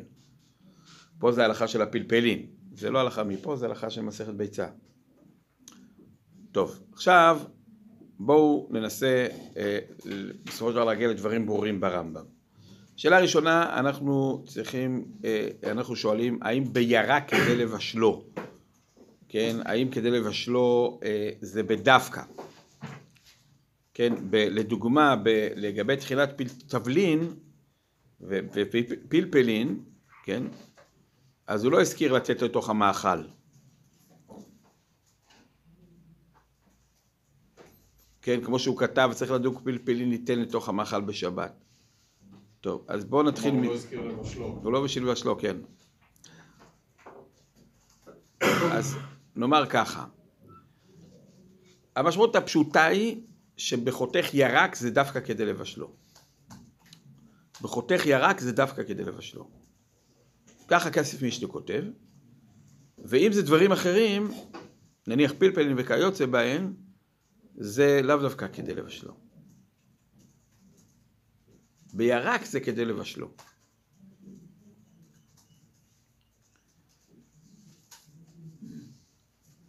טוב, עכשיו השאלה שלי היא כזאת, בירק כדי לבשלו זה, זה גם בירק שנאכל כשהוא חי? אז בסתימת הרמב"ם ככה משהו. אלא אם כן תאמרו שכשהוא אומר ירק כדי לבשלו, הוא מתכוון ברור בירקות ש... אני אומר לך ירק כדי לבשלו, אז אתה מבין שמדובר בירק שמחוסר בישול. זו שאלה יותר של הבנת הנקרא, הנקרא או הנשמע, כאילו, זאת אומרת, מה המשמעות שעולה. אבל לדעתי, יותר נראה שהכוונה היא כל ירק, בלי לחשבון האם הוא נאכל כמו שהוא חי או לא. אתה חותך ירק כדי לבשלו, זה תולדת אה, תאכל. עכשיו, מה זה ירק? ירק, באופן פשוט, זה לא עגבנייה. וגם לא מלפפון, נראה לי. זה העלים הירוקים. זה ירק. כן, המיני דשאים האלה. כן, זה, זה העלים הירוקים, זה הירקות. כי זה ירוק, זה הסיבה. מלפפון זה פרי, פרי. זה לא ירק. אני לא מדבר רגע בברכות. נראה לרב ככה פה, או שזה השימוש לשון הכללי? הכללית, הכללית. ב- ב- בטח ברמה, אבל גם פה אני רוצה קצת לה- להוכיח את זה קצת. הרי הראינו שהוא כותב, לא מחזיקים לא את השחת ולא את החרובין וכולו, זה לא זה, מחתכים את הדלועין, שאין טחינה בפירות. כן? שמחתכים את הדלועין לפני הבהמה ואת הנבלה לפני הכלבים, שאין טחינה בפירות. איך הוא קורא לדלעת? הוא קורא לה פרי. אני חשבתי כמו שהרב הציע מקודם, פרי זה הדבר שהוא מוכן, אפילו אם הוא ירק וירק, זה שם שהוא לא מוכן. אבל למה לא ללכת לפי הפשט הכי פשוט במילים? שירק זה... זה העלים הירוקים. זה ירק. אה, אמ, ה- הפירות זה פרי, מה שיש לו צורת פרי כזה, משהו תפוח כזה, זה, זה הסיבה הפרי. לכאורה לא לומר ככה, זה בגלל שהמקור לדין, המחתך את הילד דק דק לבשלו, והיימן דפרים. סילקה, וסילקה זה העלים של סילקה. אה, כן, כמו שאמרנו, זה, מה שהיה. הרמב"ם מגדיר ככה בכניים, ירק. כמו שאני אמרתי, כן, אני יודע, כן. ששם זאת ההגדרה.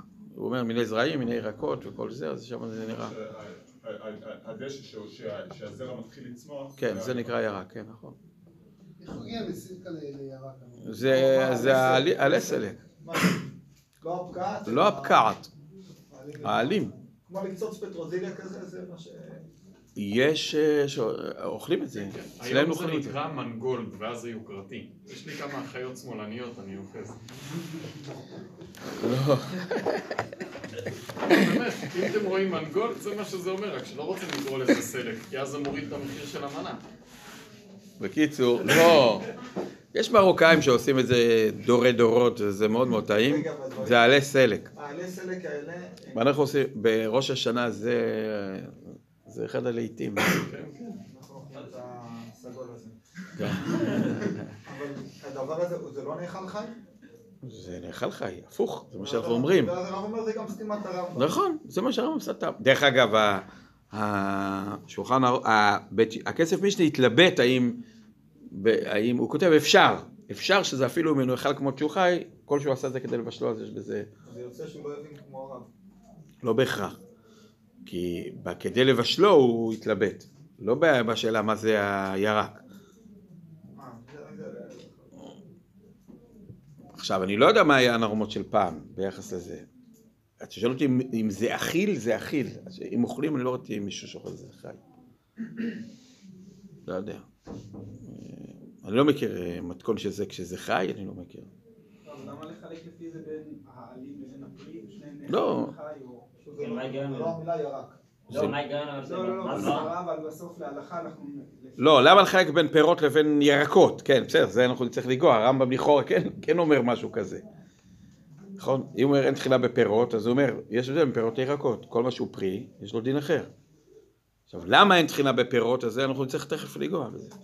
פעם שאנחנו למדנו חשבנו פשוט לעשות חילוק בין פרי ממש לבין שאר ירקות, דהיינו גם השורש. בהסברה לחלק בזה זה בין דבר שהוא נאכל חי לדבר שהוא לא נאכל. זאת אומרת, יש הרבה ירקות, הרמב"ם שמדבר על ירקות זה כדי לבשלות, דברים שהם לא ראויים להאכיל כמות שהם. אז זה לא חילוק בין פירות לירקות, זה חילוק בין דבר שנאכל... פירות עץ, כאילו. לדוגמה, כשהרמב"ם אומר אין... אין אה, אין תחילה בפירות. אין תחילה בפירות, הכוונה לפרי עץ.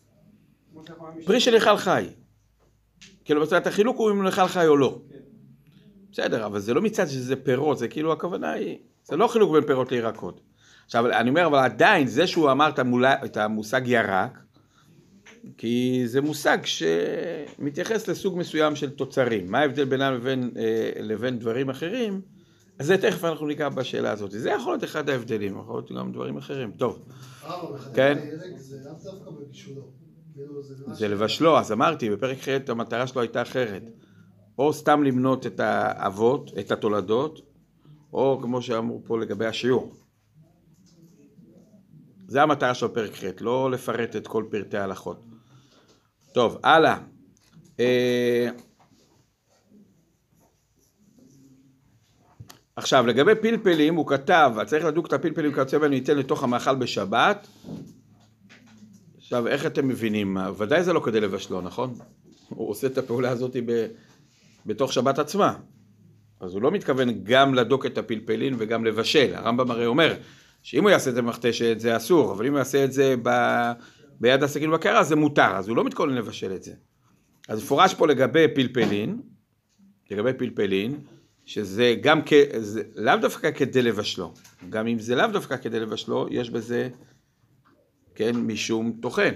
ככה לפחות לגבי הפלפלין. אז ההסבר יהיה שהפלפלין זה לא ירק. שוב, אני אומר, כרגע לא עושה את החילוק, אני רק אומר מבחינת הסתירה. לא מסביר את הסברה, אבל ככה רואים. אז תבלינים זה משהו אחר. מה? הפלפלים זה סוג של תבלין.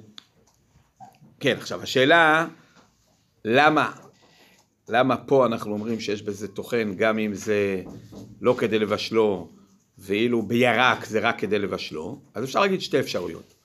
או בגלל שפה הרמב"ם מדבר על טחינה במכתשת, אה, סליחה, טחינה ב... כן, איך הוא קרא לזה? מכתשת. כלומר, טחינה בכלי טחינה. זה לא חיתוך דק דק. טחינה בכלי טחינה, זה מה שנותן לזה את המשמעות של טוחן, גם אם זה לא כדי לבשלו. מה שאין כן בירק, שזה סוג של חיתוך, זאת אומרת החילוק הוא לא בין ירק לבין פלפלין, אלא בין חיתוך לבין טחינה בכלי, שמיועד לכך. זה דה רבנן. מה? וזה משהו משהו דה רבנן או משום ה... לא, זה חילוק, זה חילוק דאורייתא. מה זאת אומרת? בפרק כ"א מדבר על השבותי. לא, אבל הוא גם מביא את הדאורייתא, אומר, אבל במכתשת חייב מפני שהוא טוחן. הטוחן דאורייתא פה קיים, אני אומר, בגלל אחת משתי סיבות יחסית לירק. או כי פה זה מכתשת, וזה כלי המיועד לתחינה, מה שכן בירק זה חיתוך, אז חיתוך בעלמא, שזה פעולה לא כל כך משמעותית מצד עצמה, יתקבל את המשמעות שלה, לא כל כך משמעותית אולי בגלל התוצר שבה, אולי בגלל אופן הפעולה שלה, לא משנה, היא לא תקבל את המשמעות שלה, אלא אם כן זה יהיה כדי לבשלו. אז היא מקבלת משמעות חשובה. בהתחלה שאלה לגמרי את האפשרות של אופן פעולה. לא, כי אני אומר, יכול להיות שגם יש הבדל בת- בתוצר, אין לי ראייה ש... יכול להיות שבמכתשת יש הבדל גם בתוצר. זה לא רק חיתוך דק דק. אם אני זוכר נכון, בסוגיה הראשונה, הרב הזכיר שיש רש"י, שמשמע ממנו כמה פעמים שאופן הפעולה חשוב לרש"י. לא רש"י שראינו, הרב אמר זה באופן כללי נראה ככה ברש"י. נכון, נכון, נכון. זה רש"י על הבישול גם כן. אז למה. כאן מההתחלה הרב לא רצה להכניס את זה? נגיד לא, לרש"י כי- שאומר כן, אישה? נכון, אבל לא, אמרתי שאין לי ראייה לזה שאם התוצר היה מוצלח, בטכניקה אחרת שאני אפתור. פה, פה, פה יש תמיד בסופו של דבר תוצר שהוא לא ממש כמו ה... הוא רחוק כאילו מבחינת המציאות מהתוכן. אז יכול להיות שזה רק בצירוף, אני, אני אומר את, ה, את, ה, את החשבון הזה. אז לכן גם פה אני אומר, אם זה באופן הרגיל של ה... אה, אה, על ידי כלי שמיועד לכך, וגם יהיה שוני בתוצר, נראה לי שפלפלים במכתשת זה שונה מאשר חיתוך ירק דקדק. זה אפשרות אחת, אפשרות נוספת זה תבלין, מה שאמרנו. שתבלינין זה לא, זה לא מסוג האוכלין, אז פה יש יותר משמעות ל, ל, ל, לטוחן. מה שהרמב"ם דיבר זה בדברים שהם מסוג האוכלין. טוב, עכשיו לגבי הדלוין והבשר, מה שראינו, יש שתי נוסחאות. כן, אה, אז יש הבדל בין המגיד משנה לכסף משנה. המגיד משנה אומר, צריך לגרוס, אבל מלכתחילה את הדלוין לפני הבהמה ואת המלך לפני הכלבים שאין טחינה אלא בפירות.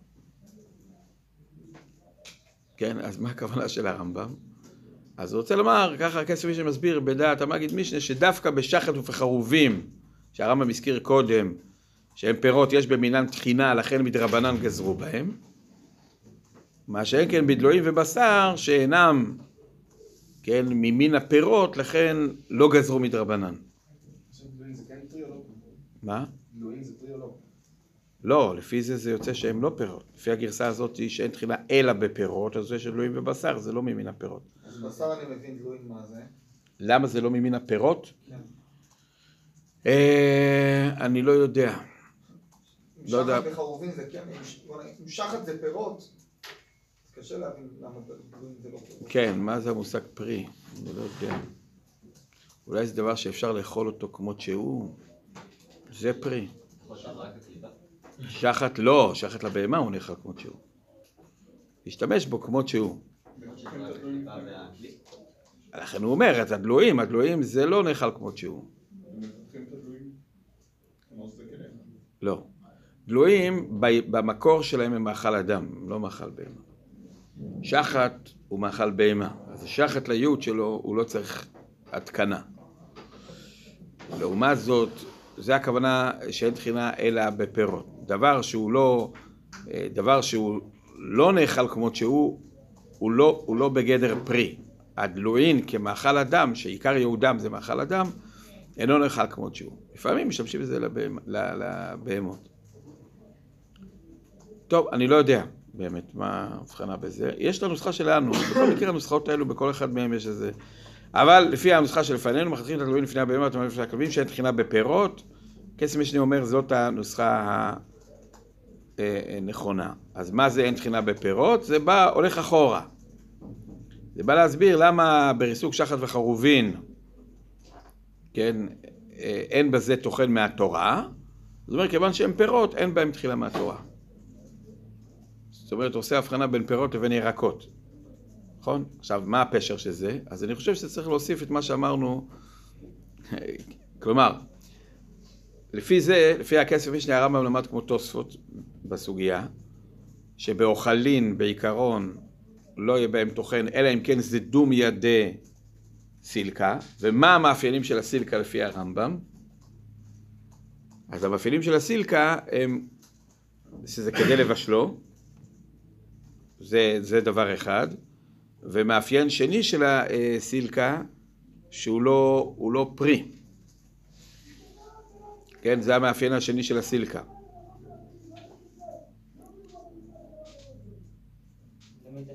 עכשיו, למה זה מאפיין? אני חושב, כמו שאמרנו בשם התוספות ראש, שתוספות ראש אמר שסילקה זה דבר שרגילים לטחון אותו.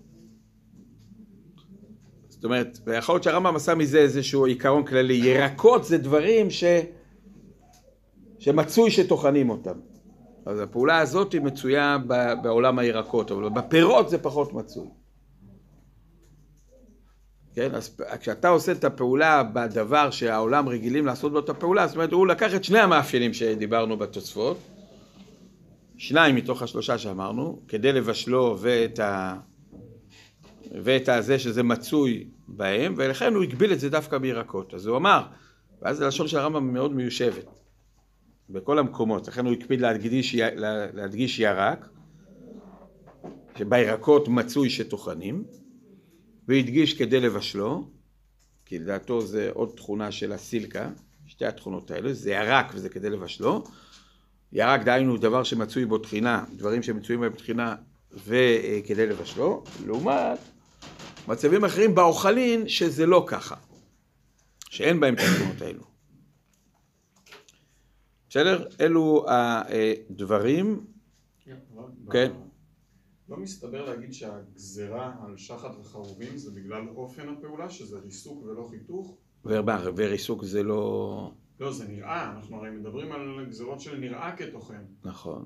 נו, אז הרבה יותר נראה כטוחן כשאני מרסק ולא מחתך. לא, בסדר, עכשיו צריך להיכנס לא, ל- למשהו שאני לא, לא דיברתי בו. לא, הזכיר איך- קודם שאפשר לחלק מצד ה... אם זה באפשרות הקודמת, שדלעת ונבלה אה, יוגדר כ... כ... בפירות. לפי המגיד משנה, כן, כן. שאין תחינה אלא בפירות. כן. כן. כן, אמרתי את זה על פי הכסף משנה, איך שהוא הבין את המגיד משנה. אתה רוצה להסביר הסבר אחר? כן, אני רק ציטטתי אותו, כן. אפשר להסביר ככה, כן, כמו שאתה אומר, כן. אני רק ציטטתי אותו. טוב, בואו נתקדם מעלה. לפי מה שאנחנו אומרים יוצא ש... כך נראה הכסף משנה נוטה לדרך הזאת. מה השולחן ערוך פסק? השולחן ערוך כותב, וחתך ירק דק דק חייב משום טוחן. חתך הירק דק דק חייב משום טוחן. סתם. לא אמר כדי לבשלו, החמיר. כן, כי יש לו טרן, ויש לו את הראשונים האלו שאמרו שבכל האוכלין יש טוחן. ככה גם נראה ברמה. הרמה כותב, זה ש"כ א' י"ב, והוא הדין אסור לחתוך גרוגות וחרובים לפני זקנים. ודווקא פירות וכדומה לזה, אבל מותר לפרר לחם לפני התרגולים, דברי חברתך נחוש שאין טוחן אחר טוחן. לחם הוא ודאי יכול שהוא יכול להיות נאכל, ואף על פי כן הוא אומר שההיתר הוא בגלל שאין טוחן אחר טוחן. למה הוא הזכיר לפחות ביש אומרים את אה, רמב"ם, ריף, ראש, שמואל, מה, להקל? תוספות, ריטב"א, כן. הוא לא סבר להקל. בעניין הזה הוא מסכים. שגם אוכל שראוי לאכילה, שייך בו טוחן, וזה לאו דווקא ירק. אבל כל כך הרבה, כלומר הוא בעצם לקח רשב"א ור"ן ואת העשייה האשכנזית אני אקרא לה, אה, אור זרוע, ירי, כן. מרדכי אולי. כן. אז יכול להיות שבגלל שיש פה קיבוץ מזרח ומערב. אז הוא אמר איך שלא נלך, גם אצל ראשוני ספרד וגם גם אצל... הרשב"א והר"ן זה דברים שנלמדים, כלומר אני לא, לא, לא מכיר התייחסות ישירה שלהם לסוגיה.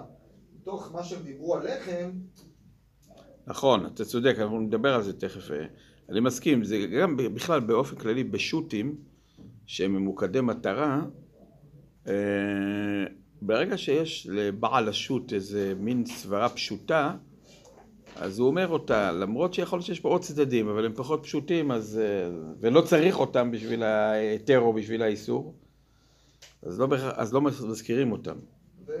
לכן לא תמיד אפשר לראות. נשארתי עם רש"י זרוע. תראה, הר"ן גם העתיק את זה, אבל בסדר. לא, אני הייתי את השו"ת, אני אומר, אם אני אומר כמו רב שאי אפשר ללמוד מהשו"ת, מי שאומר שאם אסור לחתוך שום פירות כמו שהשולחן ערוך פוסק זה רש"י ואור זרוע. כן. כן. עכשיו, אתה שואל אותי... עכשיו, אפילו את הלאלתר הוא לא פסק. טוב, לאלתר זה עוד סיפור, תכף נראה. לוקח את החומרה של הרשב"א, החמיר, החמיר. כן.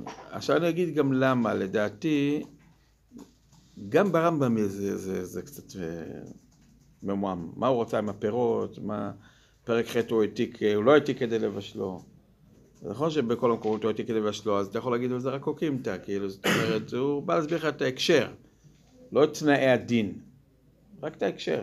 הוא כאילו אומר, כדי לבשלו, כמו שחותכים כדי לבשל. אה, ואז פרק ח' אתה לא צריך הסברים למה הוא לא כתב שום דבר חוץ מאשר מי שחותך את הירק. טוב, אז יכול להיות שגם ברמב"ם זה יש את העמעומים האלה. יש לך גם את הטור, הוא גם אה, משמעותי. הוא כתב, הטור, אסור לחתוך הירק דק דק שדומה לטוחן. עכשיו, מה זה הדומה לטוחן הזה? דרבנן? אז לא יודע אם הטור דק בסגנון שלו כמו הרמב"ם, כי הרי הראשונים שכבר לא טיפלו, הרמב"ם מאוד מדייק, כי אצלו יש גם חיוב ופטור, זה חשוב לו, כי הוא גם פוסק לגבי מיתת בית דין. אבל ראשונים כמו הטור ואפילו הריף, הם יכולים להעתיק דבר בתור אסור בלי לשון חייב או פטור, כי זה לא כך משנה להם, העיקר שזה אסור. אם זה דורייתא דרבנן, תלמד את הסוגיה, תחליט אם זה דורייתא דרבנן. הם לא תמיד דייקים בלשון שלהם, אז יש לך גם את הטור שכתב את זה בלשון כזאתי. כן, ההסבר שהרב אמר שירק זה עלים, זה רק בדעת הרמב"ם או שעכשיו אנחנו נבין את כל ה... רק רמב"ם סובר שירק הכוונה להעלים? זאת אומרת, אה, לא, אני חושב שזה מושג כללי. זה מושג כללי. הראשונים שאמרו ירק התכוונו דווקא להעלים ולא ל... לא, אז זהו. זו שאלה כבר איך אתה מעריך את מידת הדייקנות, זה מה שעכשיו אמרתי ביחס לטור. מידת הדייקנות. עכשיו, מה שעורר אותנו ברמב"ם לזה, זה האמירה שלו בפירות יחסית לירק. כאילו, אבל אולי שהוא היה אומר את זה, אני לא הייתי אומר. שולחן ערוך, זה ירק. ודאי לאו דווקא. כן, ככה זה נראה גם מהרימה, הוא מדבר אסור לחתוך גרורות וחרובים, כאילו, הוא לא עושה חשבונות. ברמב"ם, בגלל שהוא התחיל לדבר על מושג של פירות, לא פירות, אז זה עורר את המחשבה שמדובר דווקא בירקות. טוב, אני רוצה להתייחס לתחינה שלא בגידולי קרקע, בסדר? זה סוגיה אחת. יוצא שבעצם הכיוון ברמב"ם הוא בדומה לתוספות, עם, אה, כן, אה, יותר תנאים, כן, נקרא לזה ככה, לפי מה שאנחנו אומרים, כדי לבשלו, וגם שזה יהיה ירק, זה דבר שרגילים, דברים שרגילים לטחון אותם. טוב. השולחן ערוך ערכי, אני נוגע בדאורייתא? כן. לא לגבי דאורייתא, וזה עלולים דברים שעלולים להיכשל בהם. כנראה. תראה, אם הוא בסופו של דבר אוסר גם את כל הפירות, אוסר כמו ערימה, שלא חילק בזה, אז כן. תרומת הדשן, בחלק א' בנ"ו, הוא דן בשאלה של חיתוך דברים שהם אה, כמו בשר וכדומה. האם ביחס אליהם יהיה לנו תוחל? עכשיו הוא אומר פה הגדרה מעניינת, הוא אומר ככה מכל מקום נראה דביקה למאוד בשר מושל או צליד ולדון דידן כולם מודו דשארי שמותר לטחון אותם בשבת, לחתוך דק דק ולא דמה לעצים פירות ולחם דהיינו כולו גידלה מן הארץ ובמילן תחינה, כאילו תבואה קטניות, עיקר תחינה שחברו, בשר דהן גידלו מן הארץ, שמדבר אוכל כזה לכל העם לא שחברו תחינה. אז ברור שכשהוא בא להגיד שבבשר לא שייך תחינה, בגלל, הוא ודאי מתייחס לעובדה שהבשר הוא אוכל. הוא אומר את זה, הוא אומר, כן. אבל בשר דהן גידלו מן הארץ, באוכל כזה לכולי עלמא לא שייך בהו תחינה. וגם בהמשך הוא כותב לגבי הדמיון למאמר אומר, דעליין תחינת אוכלין, דבלאו אחרי לא שייך בו תחינה כולי עין. כן, זה כמו התוספות. כלומר, הוא בעצם רוצה לחלק את האוכלים לשני מינים. אוכלים שהם לא גידולי קרקע, אוכלים שהם גידולי קרקע שייך בהם טוחן, זה הירק וכולו, אוכלים שהם לא גידולי קרקע לא שייך בהם טוחן. עכשיו אני רוצה להתייחס לאוכלים שהם לא גידולי קרקע. עכשיו, נראה שהוא מבין שככה, עצם העובדה שמדובר באוכלין זה כבר מגרע. כמו שאמרנו, את הסברות שאמרנו בתוספות. אלא מה, אם זה אוכלים שהם גידולי קרקע, ששייך במינם תחינה, זה מה שהוא אומר, יש במינם תחינה, כגון תבואה וקטניות, בעיקר תחינה שייך בהו, אז אני אומר שלמרות שהם אוכלים, יש בזה תוכן. זאת אומרת, ההגבלה לגידולי קרקע היא לא הגדרה כללית במלאכה. הרי הוא יודע שיש תוכן גם במי ששף מתכת. היא לא הגבלה כללית במלאכה, אבל ביחס לאוכלין שבהם יש חיסרון, פה אני מקפיד את התנאי של גידולי קרקע. מזכיר לנו קצת הרמב"ן הזה, אתם זוכרים לגבי הקוצר, לגבי הדש. הוא אמר ככה, אם תהיה דישה מושלמת, שאתה מוציא דבר בלוע, אני לא מצריך את התנאי של גידולי קרקע, ואם תהיה דישה גרועה כזאתי, כן, אז פה אני כן אצריך את הגידולי קרקע. מעין זה, הוא אומר גם פה, על תרומת הדשן. טוב, אחר כך הוא כבר עושה עוד, עוד חילוקים, הוא אומר, אה, אם אתה חותך בשר דק דק לצורך עופות לאכילן, אז הוא אומר פה בגלל שהוא לא ראוי וזה וכולי, אז יש יותר חשיבות לתחינה וכדומה. טוב, זה עוד, עוד עניינים, אני לא, לא נכנס לדבר הזה, יותר חשוב לי ההתייחסות למושג גידולי קרקע. לדעתי, מי שלא הזכיר את הדבר הזה, זה לא סובר ככה. כי זה חידוש הסברה הזאת, למרות שהשולחן ערוך והרמ"א ודאי הביאו את הדברים תורות הזה של ההלכה. נגיד ברמב"ם, אין לנו זכר למושג גידולי קרקע. כמשמעותי פה. המושג גידולי קרקע. דיון עם ירקות, פירות וכו', אבל אין פה איזשהו חילוק. אתה קורא גם את התולדות, את הסמנים, סליחה, לא סמנים, את התולדות ביחס למתכת וזה. זה לא גידולי קרקע, והוא לא העיר שום דבר ביחס לעניין הזה. למה באמת להביא את זה? זה קצת כמו, כאילו יותר מפורט שאמרנו אז בדיוק. כן, הוא, הוא בעצם אומר. כן. טוב, בוא, אני רוצה לעבור לתוכן אחר תוכן, מה? כן. בפרק ח' לחוק הקלמן היינו יכולים לומר שאם נלך לפי זה שמדובר שם על זה שהרמב"ם אומר שיעורים אז כן היה אפשר לחלק שם שחלק מהשיעורים זה בגלל שזה זה גידולי קרקע, זה אוכלים, אז אוכלים זה גוגרת, זה לא, דברים שלא גידולי קרקע. לא, ברור שאני צריך להגיד דבר כזה, ברור. ברור. למה הסמנים זה כגרוגרת? הרי גרוגרת זה שיעור של אכילה. אז זה נכון מה שאתה אומר, אבל זה לא המושג גידולי קרקע, זה יותר בהלכות השיעורים. זה סתם, הסוגיה של השיעורים היא סוגיה כשלעצמה, שצריך להבין אותה, את הקריטריונים ביחס אליה. את, איך קבעו את השיעורים. אבל זה כן, אני מסכים שזה יכול להיות. ככה מסתבר מאוד. שלמרות שסמנים לא נאכלים, אבל הם מסוג גידולי הקרקע שרובם אה, מיועדים מבחינת האדם, אה, משמשים לאכילה. ולכן השיעור נקבע על פי על אכילה, כן. אתה יכול להגיד שזה המינימום? מה? למה? יש את כמינימום? כלשהו. למה גרוגרת? זה יצא בדיוק כאילו ככה יצא בול. לא, אם זה מתייחסים לתוצאה של הצביעה בבגד, אז למה זה, זה צריך להגיד כדי בגד קטן, אני לא יודע מה, תגיד נכון, משהו. בגוגל זה יותר קטן מזה, ואז... לא, אבל, אבל למה אתה הולך להחמיר? ת, תלך לפי השימוש. אה, בסדר. מה מה ההוכחה שאת אומרת יש עם אה, הימור? לא, הוא רק רוצה להראות שגם שם הגבלנו הגבלה על גידולי קרקע בפעולות שהן, אה, אמ, יש בהן חיסרון. אז הוא טוען שגם שם, הסיבה שהגבלנו גידולי קרקע כי מדובר באוכלין. לדעתו, לדעתי, גם ביחס ל... לא רק מהמר, גם ביחס ל... כל מה שהגבלנו גידולי קרקע זה בגלל שעיקר הפעולה היא באוכלין. אתה יכול להגיד גם ביחס לדישה ו... טוב, הלאה. הרשב"א, בשו"ת הרשב"א, כותב ככה: מסתברא דעה דפרים סילקה, דווקא במחתך דק דק, כדי לאכלו למחר. אפילו לבוא ביום, לאחר שעה, לפי דרכו של סילקה, לחתור דק דק בערב בישולו, הכוונה לקראת הבישול. וכל שדרכו בגרם לאכול לאחר שעה חייב, אבל אוכלו מיד מותר. שלא אסור על האדם לאכול מחלוקת יוקדות קטנות. בגלל שאמרו לי אין בורר וכולו. בקיצור, הוא רוצה לחדש, היתר של האלתר בבורר קיים גם כן בטוחן. קיים היתר של הלאלתר. למה רן מביא את זה בשם הרשב"א?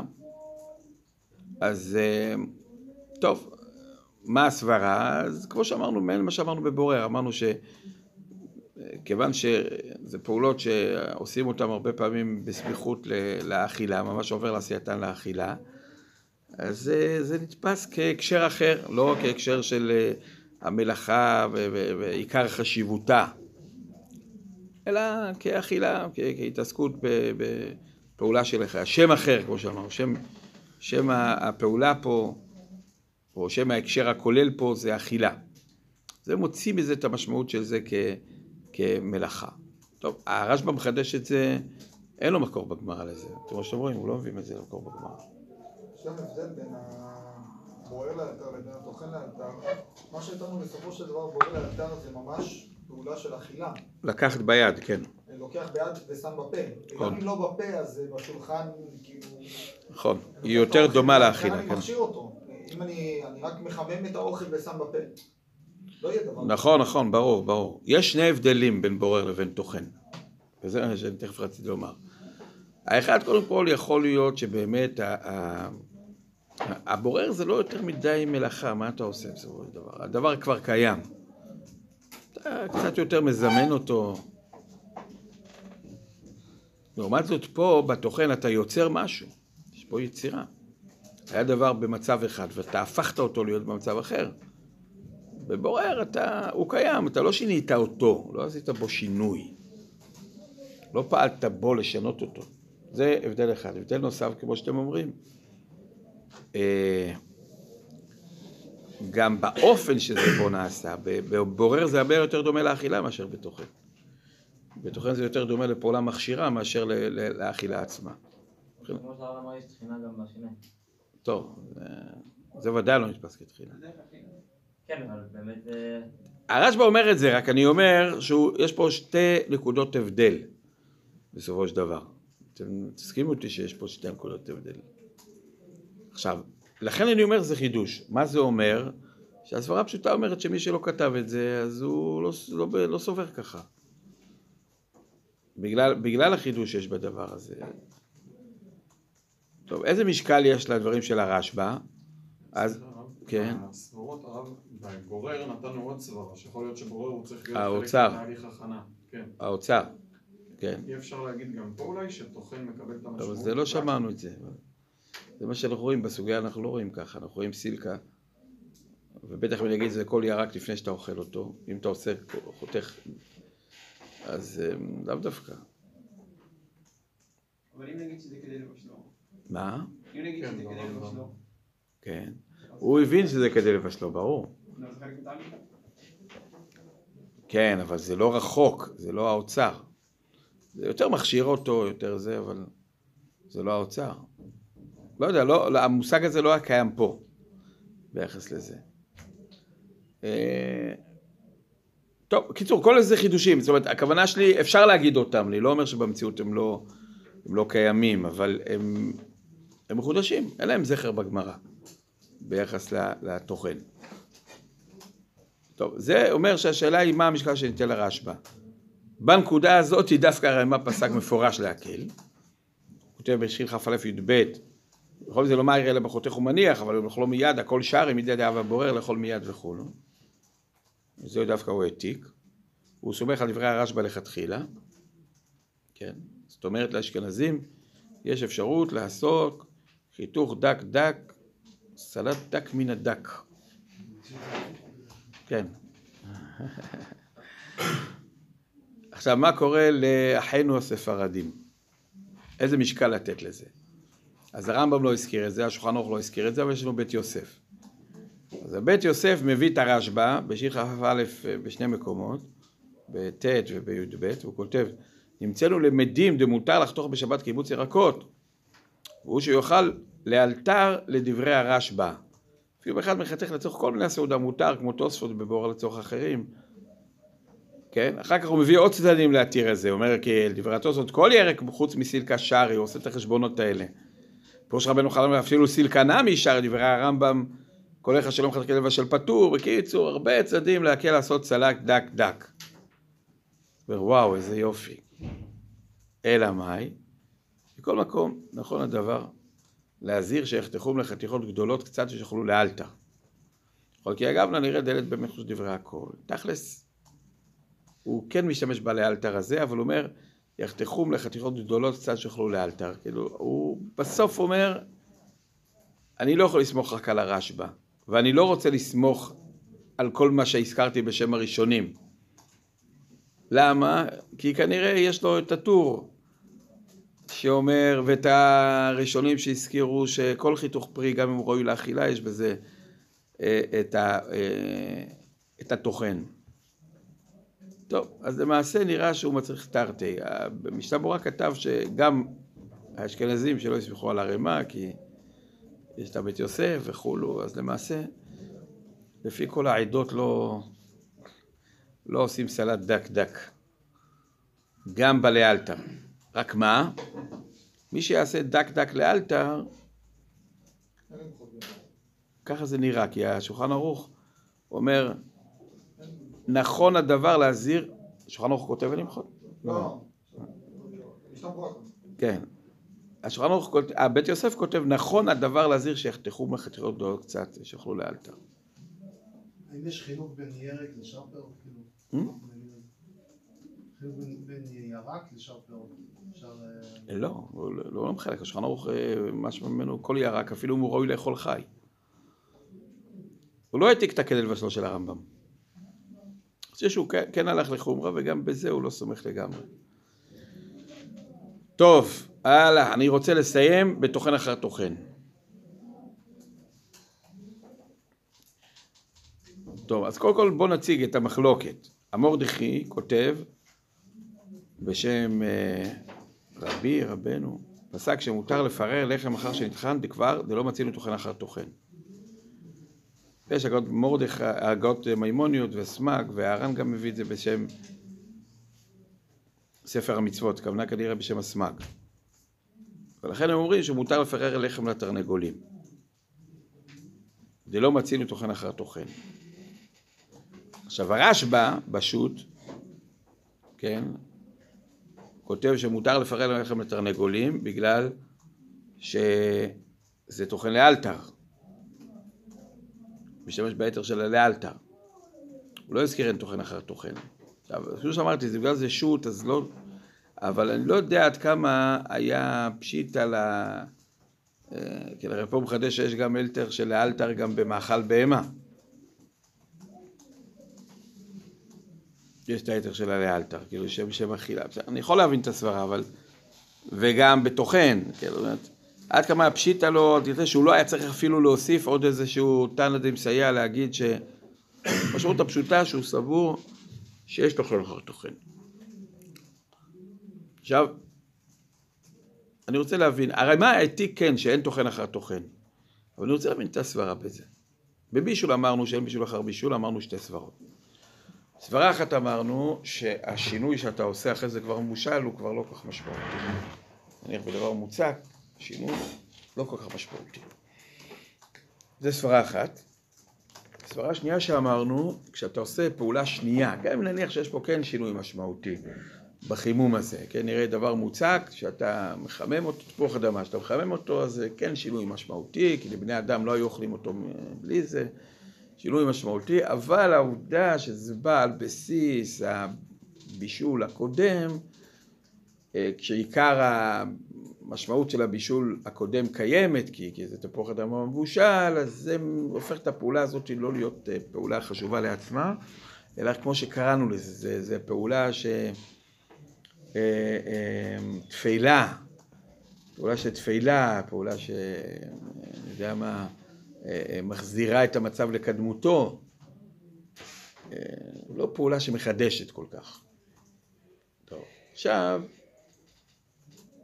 אם אנחנו נתייחס לפה, יש לנו פה לחם, והוא רוצה להפוך את הלחם הזה להיות פירורים דקים. בואו נניח לצורך העניין קמח, הרי זה לא במובן שזה פירורים ולא קמח. גם אם ירצה להפוך את הלחם לקמח, הם יגידו שאין טוחן אחר טוחן.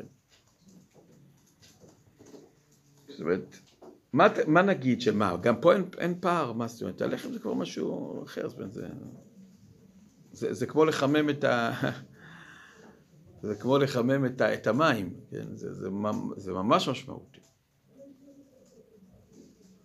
לכן אני חושב שאם נתייחס לסברה הראשונה שאמרנו בשביל אחר בישול פה, פה קשה להבין את זה.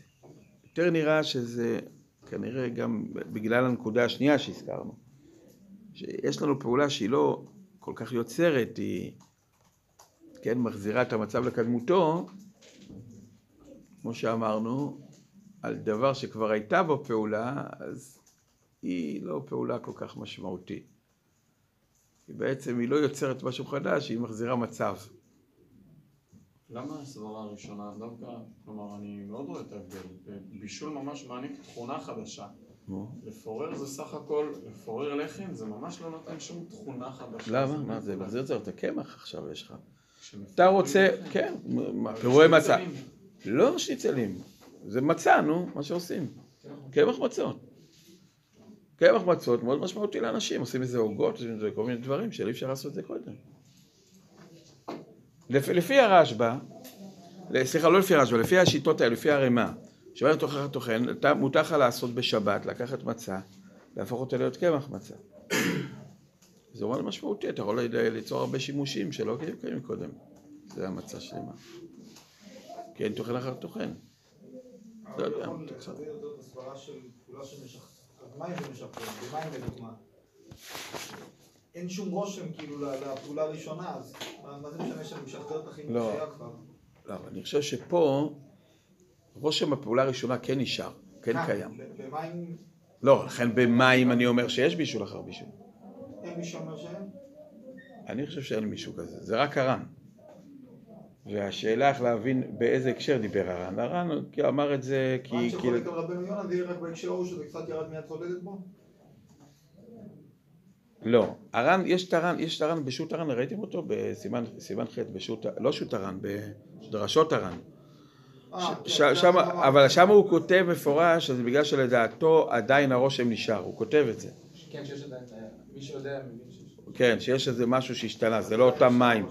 אז אני לדעתי הוא דיבר אבל המים של זמנם, אני לא, נראה לי שהמים היו מזוהמים מאוד, והטעם שלהם היה מסוים, ואחרי שאתה הרתחת אותם, משהו השתנה בטעם המים. וגם שם הוא אומר, ובטח כשזה קצת חם עוד, ככה הוא כותב, זאת אומרת, כאילו אין ולה ורפיה ביד הסיפור הזה, וגם על הרבנו יונה שהוא חולק עליו, הוא אומר, וצריך תלמוד. כן, גם שם זה מדובר שזה טיפה ירד מהחום. כן, ועל זה הוא אומר, וצריך תלמוד. זה לא אמיתא דפשיטא לא. כאן הרב אומר, הרושם ממש נשאר של הדבר הראשון. כן, אז אה, אילולא... ה- לא היה פת לפניו. לא היה פת. ועל זה הם אומרים, אז טוב, אז מה אתה עושה? אז כאילו עדיין התחינה פה ב... נמצאת כאן, ואתה מחזיר אותה. אתה מחזיר את הפעולה הראשונה של התחינה. טוב, עד כאן. אה, אנחנו בעזרת השם לידר, שבוע הבא, אני חשבתי שאנחנו נלמד אה, אה, נטילת נשמה ו... וצובע. זה, זה בערך בא בגמרא, שוחט משום מה, צובע אין בזה יותר מדי בצובע. אז הרמב"ם צריך להבין מה הוא רוצה. לא, וגם אה, חובל. לא המקלקל בחובל. מה זה, מה יש כשאדם חובל? תודה רבה. כל טוב.